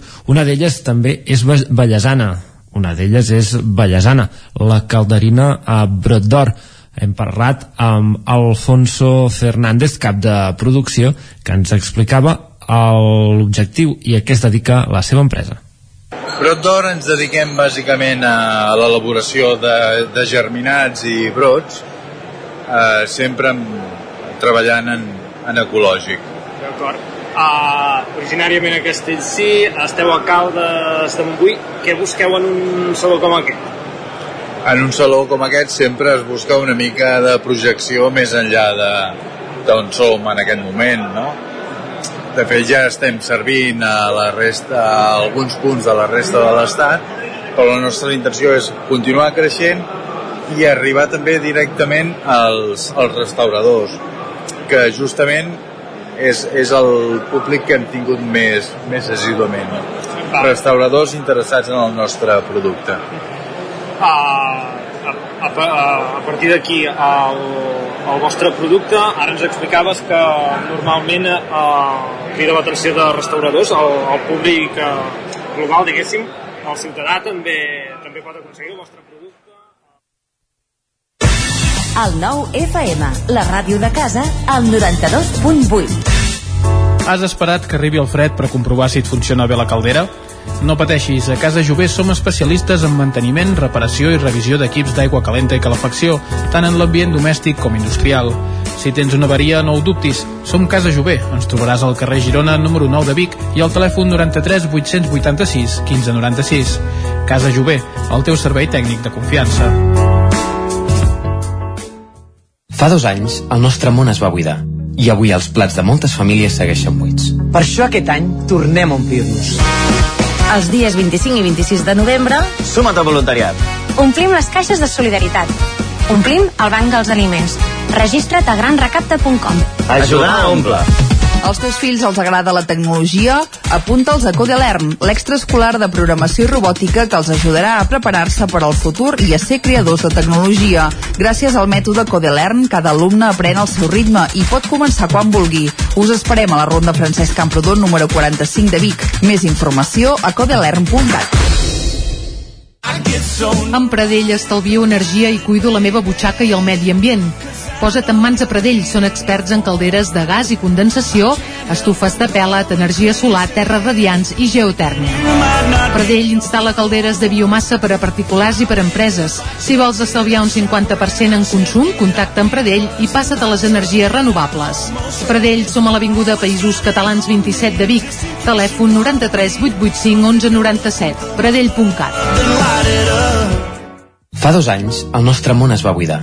I avui els plats de moltes famílies segueixen buits. Per això aquest any tornem a omplir-nos. Els dies 25 i 26 de novembre Suma't al voluntariat. omplim les caixes de solidaritat. Omplim el banc dels aliments. Registra't a granrecapta.com. Ajudar a omple. Al Mirador del Puigcalm hi trobareu un espai agradable amb la mirada posada en la gent gran, enmig de la natura, a només 15 minuts de la vall del Gès. Busquem oferir la millor atenció personalitzada per a tots els nostres usuaris, tot des d'un lloc privilegiat al cor de la vall d'en Bas, amb vistes al Puigcalm. Residència al Mirador del Puigcalm, un capital humà al servei de les persones. Trobareu tota la informació a miradorpuigcalm.cat. Bon dia, són les 9 al Territori 17. La Miquel Parella, Cada matí i durant dues hores t'acompanyem i et posem al dia de l'actualitat de casa nostra. Potenciant així l'autonomia Per aquest cas me la peça el teler si no... Cursos per feminitzar el pensament masculí. Territori 17, el magazín matinal d'Osona, el Moianès, el Ripollès i el Vallès Oriental. Que la meva àvia de 93 el anys... 9 FM, el 9 TV, el 99.cat i també els nostres canals de Twitch i YouTube. demà per fer-se un tatuatge. Cada matí, Territori 17. Ole. En punt, dos quarts d'onze.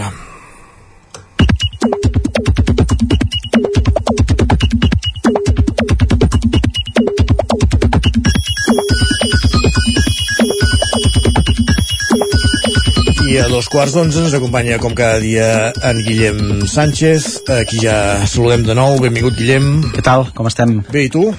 Doncs amb una mica de son, però bé, ja Vas ho anirem aixecant, sí? això. Vaig veure el Barça, hem tingut una connexió en directe ara fa pocs minuts també, vull dir que estem, estem ja en marxa, estem ja en marxa avui. Així m'agrada. I bé, uh, tinc una pregunta, a veure, Isaac, com interpretes tu aquest tuit que ens ha fet l'Èlia? No ho sé. Ens diu, sopa de verdures i croquetes. És el sopar d'ahir. Bones notícies per això o males? Tu com ho interpretes? No sé si és una queixa o és un elogi. Ah, no ho sé, suposo que bé, no? Ah, no Esperem, esperem que sigui bé. Jo és que la sopa de, de verdures tampoc és el meu... És, suposo que ens explicava el seu menú d'ahir abans d'anar a dormir. Suposo que sí. Va, i no sé si comparteixes la, la reflexió d'en Lluc, que també ens escriu per Twitter, diu Vale, ara els dies passen molt ràpid, però l'any 2022 en general no us ha passat com molt lent? Això em sembla que quan arriba a final d'any tots tenim la sensació que ha passat molt, havia molt ràpid tot. ja diré. Sí? És que de fet en un mes i mig estem a Nadal ja, Isaac. Uh, De fet, l'estem a Nadal l'estic sentint des de finals de gener ja. Des de finals Ah, de fet, en tres setmanes ja, ja tenim mercat medieval i ja tenim sí. un altre cop tota la, tota la pesca per aquí. Va, i l'Ada també estrena una qüestió que podria ser debat durant moltes hores. Ens escriu, normalitzem més el fet de quedar per jugar a jocs de taula. Sembla que hi torna a haver afició, no? No sé, jo sento molta gent del meu voltant que jocs de taula, diumenges tarda, cafetó, recolliment, estufeta i, ostres, no es posa Ben- malament ben això. tornat siguin. Ben tornat sigui. Va, qui va jugar ahir no precisament a Jocs de Taula va tornar a ser el Barça, repassarem alguns dels missatges dels aficionats culers i a més després d'ahir que va ser l'últim no partit de Gerard Piqué amb el... No va jugar? No, va, no el, va, el van expulsar a la mitja part. Ah, és veritat. El van expulsar perquè li va dir quatre coses, em sembla, al senyor col·legiat quan anaven cap als, cap als vestidors. Ah. De fet, en aquest sentit, en Roger ens escriu quin gust poder ser Piqué i sabent que te la bufa que et sancionin, puguis dir-li a l'àrbitre, no un de qualsevol, per cert, el que penses d'ell. Diu, molt fan, molt fan. Un àrbit que es veu que es, que es vanta d'haver ser l'únic que ha expulsat a tots. a, a Messi, Neymar, Suárez i, Lewandowski. I Lewandowski. I em sembla que avui llegia que ha expulsat a nou jugadors del Barça en 33 partits. Que està, que està bé, tu. Gil Manzano és, eh? Gil Manzano, correcte. La Sigrid també és molt positiva després del partit d'ahir. Ens escriu el Girona remunta i s'allunya del descens i el Barça remunta amb 10 contra un sempre difícil Osasuna, l'àrbitre i la ràbia de Florentino. Líders fins al dia 31 de desembre. Visca el Barça i per sempre. De fet, sí, això s'ha de dir que el Barça, després d'aquesta victòria, gairebé té eh, un mes i mig assegurat de lideratge, bàsicament, perquè ara comença el Mundial. Per tant, eh, líders un mes i mig després d'aquesta victòria. I l'Andreu ja proposa un canvi de cromos per la temporada que ve. Ens diu, Arnau Martínez l'any que ve al Barça i Sergi Roberto i Ferran Torres al Girona. Diu, em semblaria molt just. Ho vaig, sí, ho vaig veure aquest tuit, fer Crec que a més han respost alguns aficionats del Girona no gaire convençuts de, del, del canvi. de, del, de, del canvi. Va, és que les relacions humanes a vegades passen per moments delicats. Llegim a la Mariona per Twitter que ens diu a quin contenidor van els amics i amigues que desapareixen quan tenen parella? Home, és fàcil, a l'orgànic. A l'orgànic. La primera resposta que li han donat per això m'ha fet molta gràcia. Diu, tinc una amiga que ni tan sols se n'amaga. Li dic, marxo de viatge a Suècia i em contesta, si no tinc parella per llavors, vinga amb tu. I diu, i això sense haver-la convidat. Això sí, quan deixa de tenir-les, torna a aparèixer. El contenidor de la pesta. I es compra el bitllet i llavors no el fa servir? Ah, això és una altra gran pregunta, perquè si no també vaya, vaya despesa sense cap tipus perquè de... llavors no faltaria que et digui "Eh, em vens el teu Paga'm el bitllet, em vens el teu bitllet perquè pugui venir el, el, el fenomen L'Arnau em sembla per això que és, de la, que és del teu parer, ens diu, a veure, en principi anirien al contenidor d'orgànica, diu que encara són compostables. Doncs, encara. de fet, sí que, sí que té raó. Va, i per acabar, un d'aquells tuits de tardor que hauríem de tenir sempre guardats és la Marta... ara malament, eh, si algú posa algú, algú al contenidor de l'orgànica Home, que ens faci una foto, que ens faci una foto, si pot ser. doncs va, tuit de tardor és el de la Marta que ens acosta al saber popular de la seva iaia. el sereno cupulugar Estic convençuda que si un calp li diu a la meva àvia que se li cauen els cabells, ella li respondrà no pateixis, és el canvi de temps, a la tardor sempre passa. Ah. es veu que a la tardor cauen coses, N'hi ha, poden... n'hi ha que vivim, vivim en una tardor permanent Ho deixarem aquí, no, no em deixis fer comentaris, Isaac. Gràcies, Guillem. Que vagi molt bé, fins demà. Fins demà. Doncs, repassat l'univers de Twitter, el que farem tot seguit al territori 17 és endinsar-nos al món de, del PNL, de la programació neurolingüística. Ens acompanya en Jordi Soler. Anem tot seguit cap a l'alegria interior.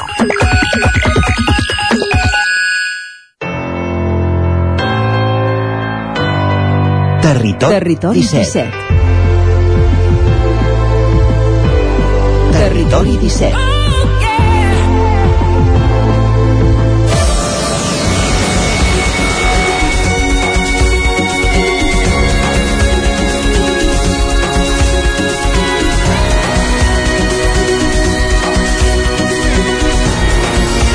Cinc minuts i mig que passen de dos quarts d'onze al territori 17 ens endinsem a l'alegria interior ens acompanya un dimecres més com fa cada 15 dies en Jordi Soler Jordi, benvingut, bon dia Molt bon dia.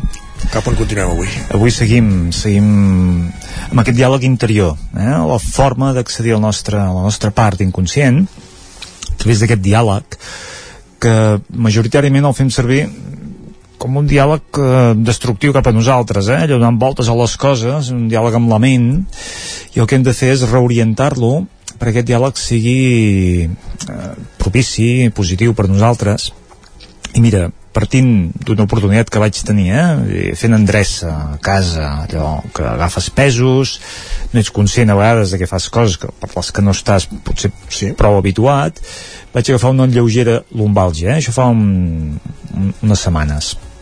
Tota aquesta lumbàlgia, fruit d'això, d'una sobrecàrrega, d'agafar un pes excessiu, em va anar durant, allò que dius, bueno, ja passarà i, i no passava, no? Van passar els dies i vaig recordar una mica un, uns exercicis de Seitai que m'havien ensenyat i que més enllà d'uns exercicis físics és una manera de dialogar una mica amb el nostre cos no? i va ser una oportunitat com que vaig veure que tampoc me'n sortia i que tenia aquest recurs i que més que un recurs físic era un recurs per reconnectar amb mi eh? Vull dir que vaig aprofitar una mica aquest, aquest fet per dur a terme uns exercicis molt simples, eh? exercicis que allò quan aixeques al matí és com una meditació. De fet, meditar podem meditar de moltes maneres. Vull dir que tenim aquesta visió a vegades de la persona sentada amb els ulls tancats, però meditar podem meditar de moltes maneres. El Seitai és una oportunitat per per exercir, doncs això, un acte de, de, de meditació. I concretament, amb una forma eh, que, bueno, una forma, són uns moviments que en diuen el Katsugi Nundo, que és moviment espontani, eh? moviment natural, allò que deixar que el cos actui, eh? més que fer una cosa metòdica, una cosa molt cerebral, molt, molt pautada, la gràcia una mica d'aquests exercicis és que són totalment connectats amb el cos. Per remuntar-nos una mica a l'origen del que és el Seitai, és un... ho entenen com una cultura, eh? el Japó, o l'Aruchi Kanoguchi, principis del segle passat, va descobrir que eh, tot parteix de, de l'eix corporal, que és el crani, la columna i la pelvis, i que van moviment, uns moviments naturals, eh? uns moviments així ja una mica estipulats, d'un va i ve, en aquesta zona del nostre cos, com que ens reactivem, com que tot el sistema nerviós central doncs reactiva la resta del cos allò descalcifica, no? treu rigidesa, dona aquest moviment tot de parts que tenim que estan allò molt, molt enquistades, no? molt, molt, molt rígides. Doncs això ho va anar ampliant, ho va anar estenent, ho va anar compartint, i realment es va poder comprovar que això anava més enllà que, que un pur exercici físic, no? I que, que el secret de, de tot plegat eh, rau una mica amb això, amb deixar que el cos actuï per nosaltres. Eh? I que estem acostumats a seguir doncs, això, una, unes pautes, uns patrons que van molt bé, eh? perquè uns estiraments, com fas eh, quan vas a córrer, quan jugues a qualsevol esport, els estiraments són necessaris. Aquí per això no anem a buscar això, anem a deixar que el cos ens indiqui una mica el ritme, la forma, com dur terme una mica aquests exercicis. Una mica els resumeixo, si et sembla. Eh? Vull dir que el Katsugi Nundo són cinc moviments, cinc moviments centrats en aquest eix. Jo dic perquè la gent que ens escolta també li poden ser útils, no? Però després explicarem una mica la, la importància de com dur-ho a terme, no d'una forma així de manual, sinó com una forma molt lliure i escoltant el cos. Aquest és el, l'eix, diguéssim, de, de, del missatge, no? Dir, ostres, aprenguem a través d'això. Jo, a través d'aquell mal d'esquena, vaig recuperar una mica la consciència, a través d'un acte inconscient que era aixecar un pes, vaig recuperar la consciència i dir, ei, haig de parlar amb el cos. El cos m'està dient que pari, m'està dient que, que, que canvi coses, que canvi aspectes meus, que l'escolti més i per tant aquí haig de fer alguna cosa no? doncs aquests cinc exercicis que dèiem el primer de tot és un allò posats de peu, amb els peus separats, els genolls semiflexionats, el cos allò una mica lliure, un moviment ascendent, eh? com si, jo, jo, jo tenco els ulls perquè em va més bé i em connecto més eh, a mi mateix i m'aprenc a escoltar més bé, un moviment ascendent com si ens tibessin pel crani amb un fil, com si ens tibessin i ens deixessin anar, no? Llavors, la sensació aquesta ho hem de visualitzar, eh? allò de ens estiven pel crani, en amunt, fins i tot aixequem els talons, no? i pam, i que ens deixen anar, i caiem, suaument. El segon moviment és com si igualment ens estiguessin estivats pel, pel crani, però ja no en amunt, sinó endavant i enrere, lleugerament. Eh? I sentim com la columna, i aquí està la gràcia, eh? la, escoltar i sentir tota la columna vertebral, des del crani fins a la pelvis, com va onejant, no? endavant, Peus quiets, eh? Aquí entenc? Sí, els peus quiets, però el cos ha d'estar eh, com lliure, eh? Treure rigidesa, vull dir que està molt, molt, molt relaxat, molt còmode.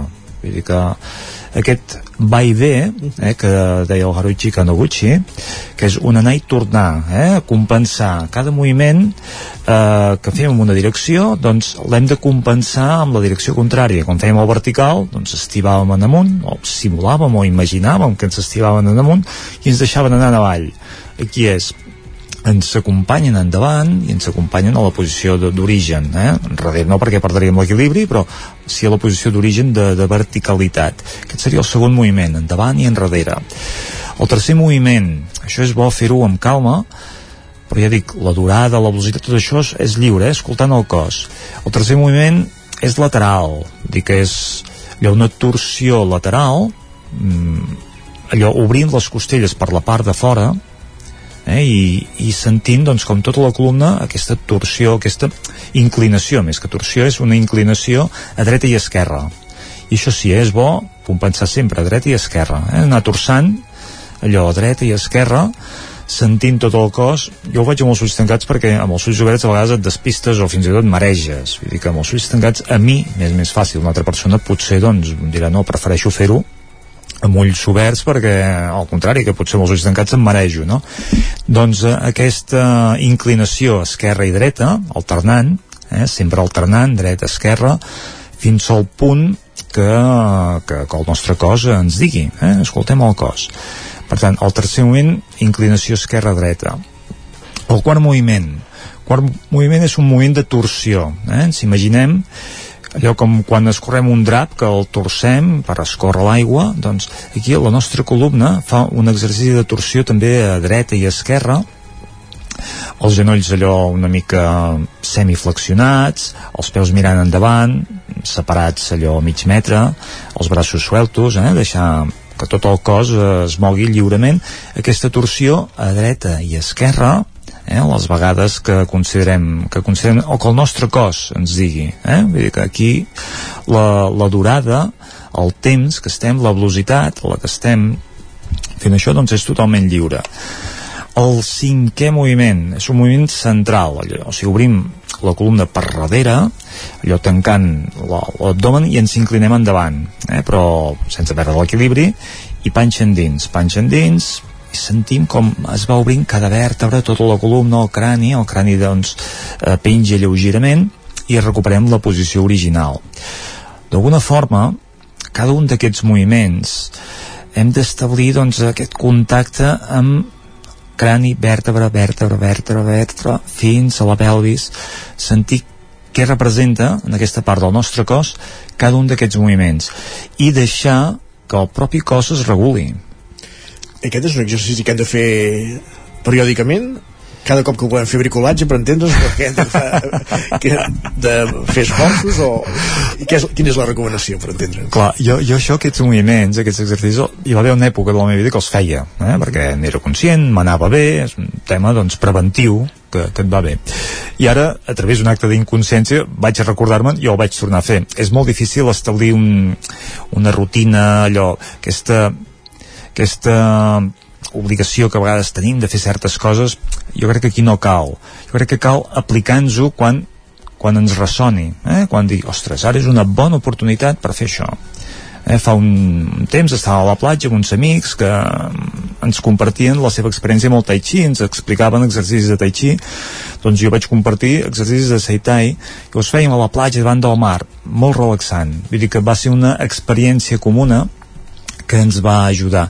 Jo crec que no hi ha una pauta, però sí que és bo recordar i adonar-se de dir, ostres, el nostre cos és molt savi, ha crescut, va, va fent tot un procés que nosaltres hem de saber escoltar, que hem de saber aprofitar i a través de, del Seitai, a través del Katsugen Undo, a través d'aquesta escolta podem descobrir que, caram, no? que tenim un potencial a dintre, allò que ens deia el Timothy Galway amb el joc amb el jo número 2, eh?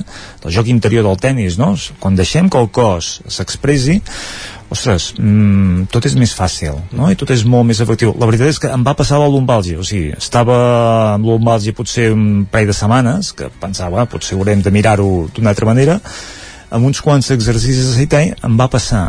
Però no és que sigui un, un exercici recomanat per gent que tingui mal d'esquena no, perquè és per qualsevol situació de la vida en la que necessitis reconnectar amb tu és una oportunitat i una manera de...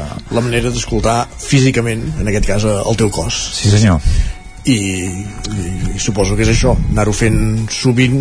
No diem que pugui prevenir lumbàlgies però sí que, que és una, una bona eina diguéssim per, per saber on tens cada múscul, cada, cada sí, cosa. I, i, i, de, i descobrir aspectes teus, eh? descobrir la, la part interior teva, eh? la sabidoria que tenim, que no només a nivell físic, sinó a molts altres nivells, a l'hora de menjar, no? posar aquesta consciència que ens aporta, doncs que el gust és diferent.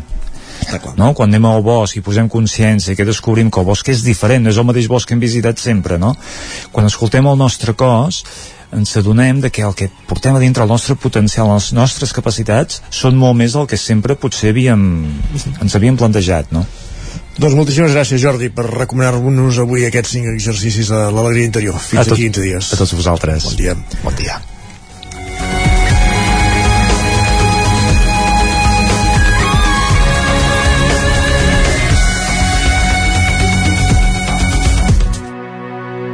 Territori 17 el 9 FM, La Veu de Sant Joan, Ona Codinenca, Ràdio Cardedeu, Territori 17.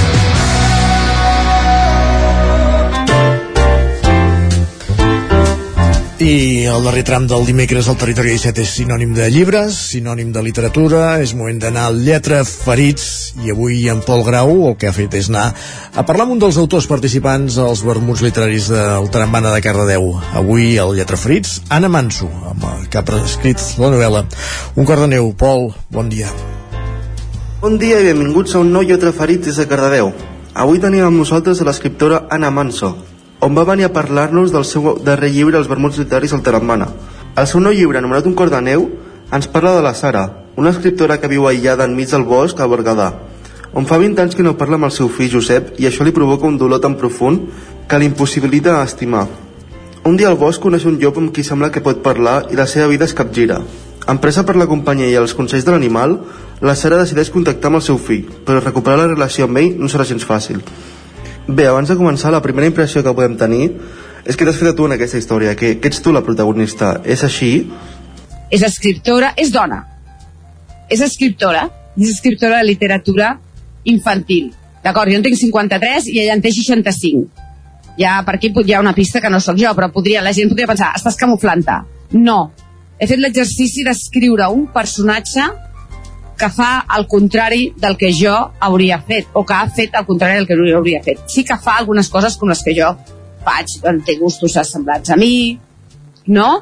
Però, però sí que la majoria, la seva posició davant de la vida eh, no és la meva.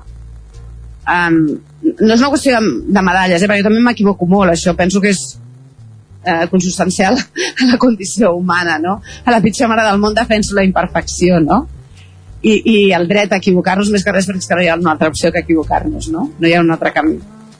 Però sí que em considero una persona que vaig més de cara i que em tiro més a la piscina i que podríem, diuen que sóc valenta. Sí, em considero valenta, eh? Això no vol dir que després la, me la foti, eh? I ella no. I, i a més, sóc molt emocional, tinc el cor molt obert i, però he estat al costat de persones amb el cor molt tancat i els he observat molt, que és el que hem de fer els escriptors observar per què, per què, fas un, per què crees un llop? Com decideixes crear-lo? Mira, el llop perquè em va sortir en aquella història. Jo mateixa em vaig preguntar per què vols explicar aquesta història a partir d'aquest llop. Tot té un per què no us el puc acabar de revelar gaire. Té una explicació científica tot plegat per què hi ha un llop i per què hi ha un llop que parla. Um, perquè no és realisme fantàstic i no és fantasia haureu de llegir fins al final per saber què és el que, per què aquest lloc parla. I el que sí que he volgut fer d'una manera conscient és treballar els arquetips en una novel·la per adults els arquetips de la literatura infantil. A la primera frase ja ho dic com una mena de bruixa. I me la imagino amb els cabells llargs i blancs. Um, de fet això no sé si no sé si, si us ho he acabat d'explicar mai jo a l'hora d'imaginar-me com era la Sara el primer que em ve al cap és una historiadora eh, anglesa que es diu Mary Beard que va escriure un discurs meravellós que es diu La veu i el poder de les dones, que l'ha dit una de les meves altres editores d'infantil, la Montse Ingla Arcàdia, i que jo li tinc absoluta adoració perquè em sembla una tia vital, energètica, que s'enfronta als seus haters de Twitter, que li diuen tu ets vella, llavors les... què fas presentant programes de televisió? I ella amb el seu polite els deixa ben asseguts a taula i una barreja també eh, d'aquella actriu que ara no em surt el nom que feia la doctora Quinn que ara és, és, és això, té 65 anys i és guapirríssima i és com una barreja de les dues no? i volia fer també un cos parlar del cos no normatiu no? i mm, volia per tant una bruixa hi ha un llop jo considero que el Josep és una mena de príncep trist hi ha un caçador. El Ramon. El Ramon m'entusiasma. El Ramon és més jo, eh? Pobre home. el Ramon s'enamora uh, i sent i no té cap mena de problemes per sentir i és això, té el cor més obert i sí. I és clar no podia ser que tot fos glaç i per tant eh, hi havia d'haver un Ramon hi ha la Nicoleta. La Nicoleta és una sorpresa d'aquelles coses que ens passen. Ahir parlava amb un amic meu, escriptor, l'Eduard Márquez, que és un superescriptor que ha de treure novel·la, i, i li deia, Eduard, no em matis, perquè hem parlat molt de literatura i ell és professor de l'Escola d'Escriptura d'Ateneu i és una persona molt metòdica i és una persona que triga molt a escriure, és molt perfeccionista i, i jo li deia, jo és que escric completament al revés del que faig amb els guions. Jo amb els guions no començo a escriure un guió fins que no tenim un esquema, fins que no hem parlat i debatut i ens hem fet, no?, un esquema i després l'esquema l'hem desenvolupat i després és un procés matemàtic, gairebé. I en canvi, quan escric llibres, això em destrempa tant. O sigui, si jo ja sé què passa cada capítol, per què l'he d'escriure? No m'interessa. Val?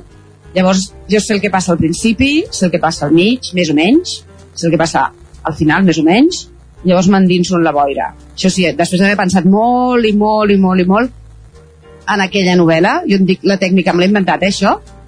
La tècnica de l'olla a pressió, de quan ja no pots més i tot rebenta i o seus i escrius o et passen coses, eh? I, i així i tot, quan i, i una de les coses que, que jo vull que em passin són això, que comences a escriure i et sorgeixen personatges. I aquesta dona, jo vaig voler que fos una persona que la, la cura de la casa li interessés gairebé res. I, i, i ha de venir el fill i vaig pensar, home, ha d'endreçar la casa. Necessita una dona a fer feines. I això està inspirat en un poble del Berguedà, que es diu Borredà, i a Borredà va haver-hi molta immigració romanesa. A mi la musicalitat del romanès m'agrada molt, s'assembla molt al català.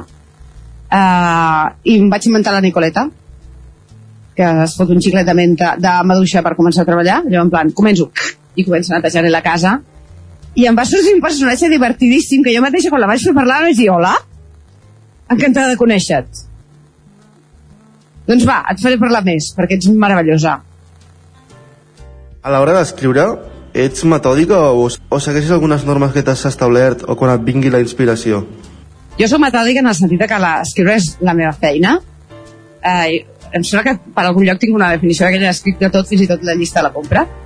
Però esclar, jo escric guions, però també escric articles, considero que cada vegada que faig un post a Instagram estic fent una peça, me la penso, i, i que per tant escric, jo vaig començar a escriure eh, literatura infantil i juvenil que seria com una cosa que me l'he demanada jo i que no me la demanava ningú i que si guanyava diners d'acord i si no, no passa res però també quan els meus fills eren petits i per tant jo escrivia de 9 a 5 que és l'hora meravellosa de quan els nens estan a escola ara, quan, almenys quan els meus eren petits ja és cursa, eh? això està una mica més fotut eh?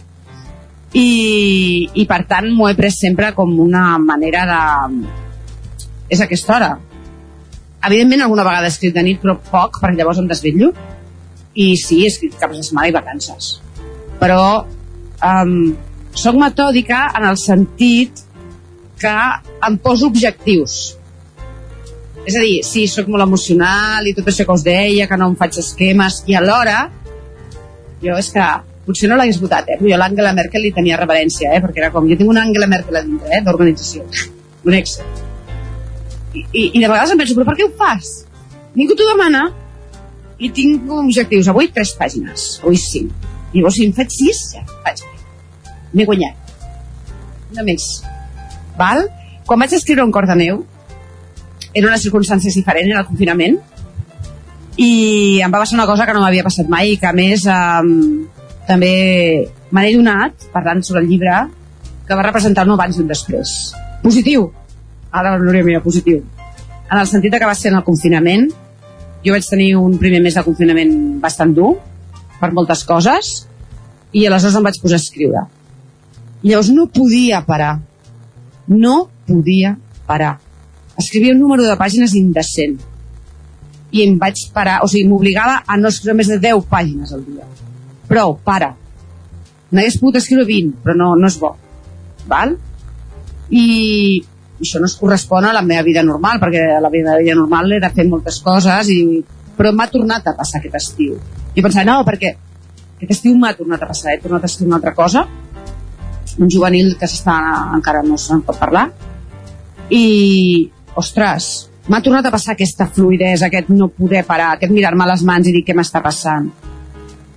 I, per tant, vaig obrir unes comportes de creativitat i de deixar-me anar que me n'adono que, que encara estan aquí i que escric els guions més ràpid i més segura que abans i que no, he escrit una novel·la que ha sortit també, que és el conte infantil um, el, meu, el meu llibre número 50 el de llenguatge secret que el vaig escriure després d'un cor de neu tot i que es va publicar abans amb aquesta me'n recordo que Jo vaig acabar la primera versió d'un cor de neu, eh, que devia ser com al juny, la vaig escriure molt ràpid. Bé, doncs, gràcies per ser-hi aquí amb nosaltres i ens veiem en el següent Lletra Ferits. Gràcies a tu, Pol, per portar-nos aquest testimoni, el d'aquesta autora, l'Anna Manso, autora d'aquesta novel·la de la qual parlàvem avui. Un cor de neu, i amb ella acabem el territori 17 d'aquest dimecres 9 de novembre de 2022. Us hem acompanyat des de les 9 del matí. Isaac Muntades, Caral Campàs, Pepa Costa, Jordi Givert, Guillem Sánchez, Jordi Soler, Pol Grau, Sergi Vives, Isaac Moreno. I tornarem demà a partir de les 9 fins a les hores. Que passeu molt bon dimarts i un dia més. Gràcies per ser-hi. Adéu-siau.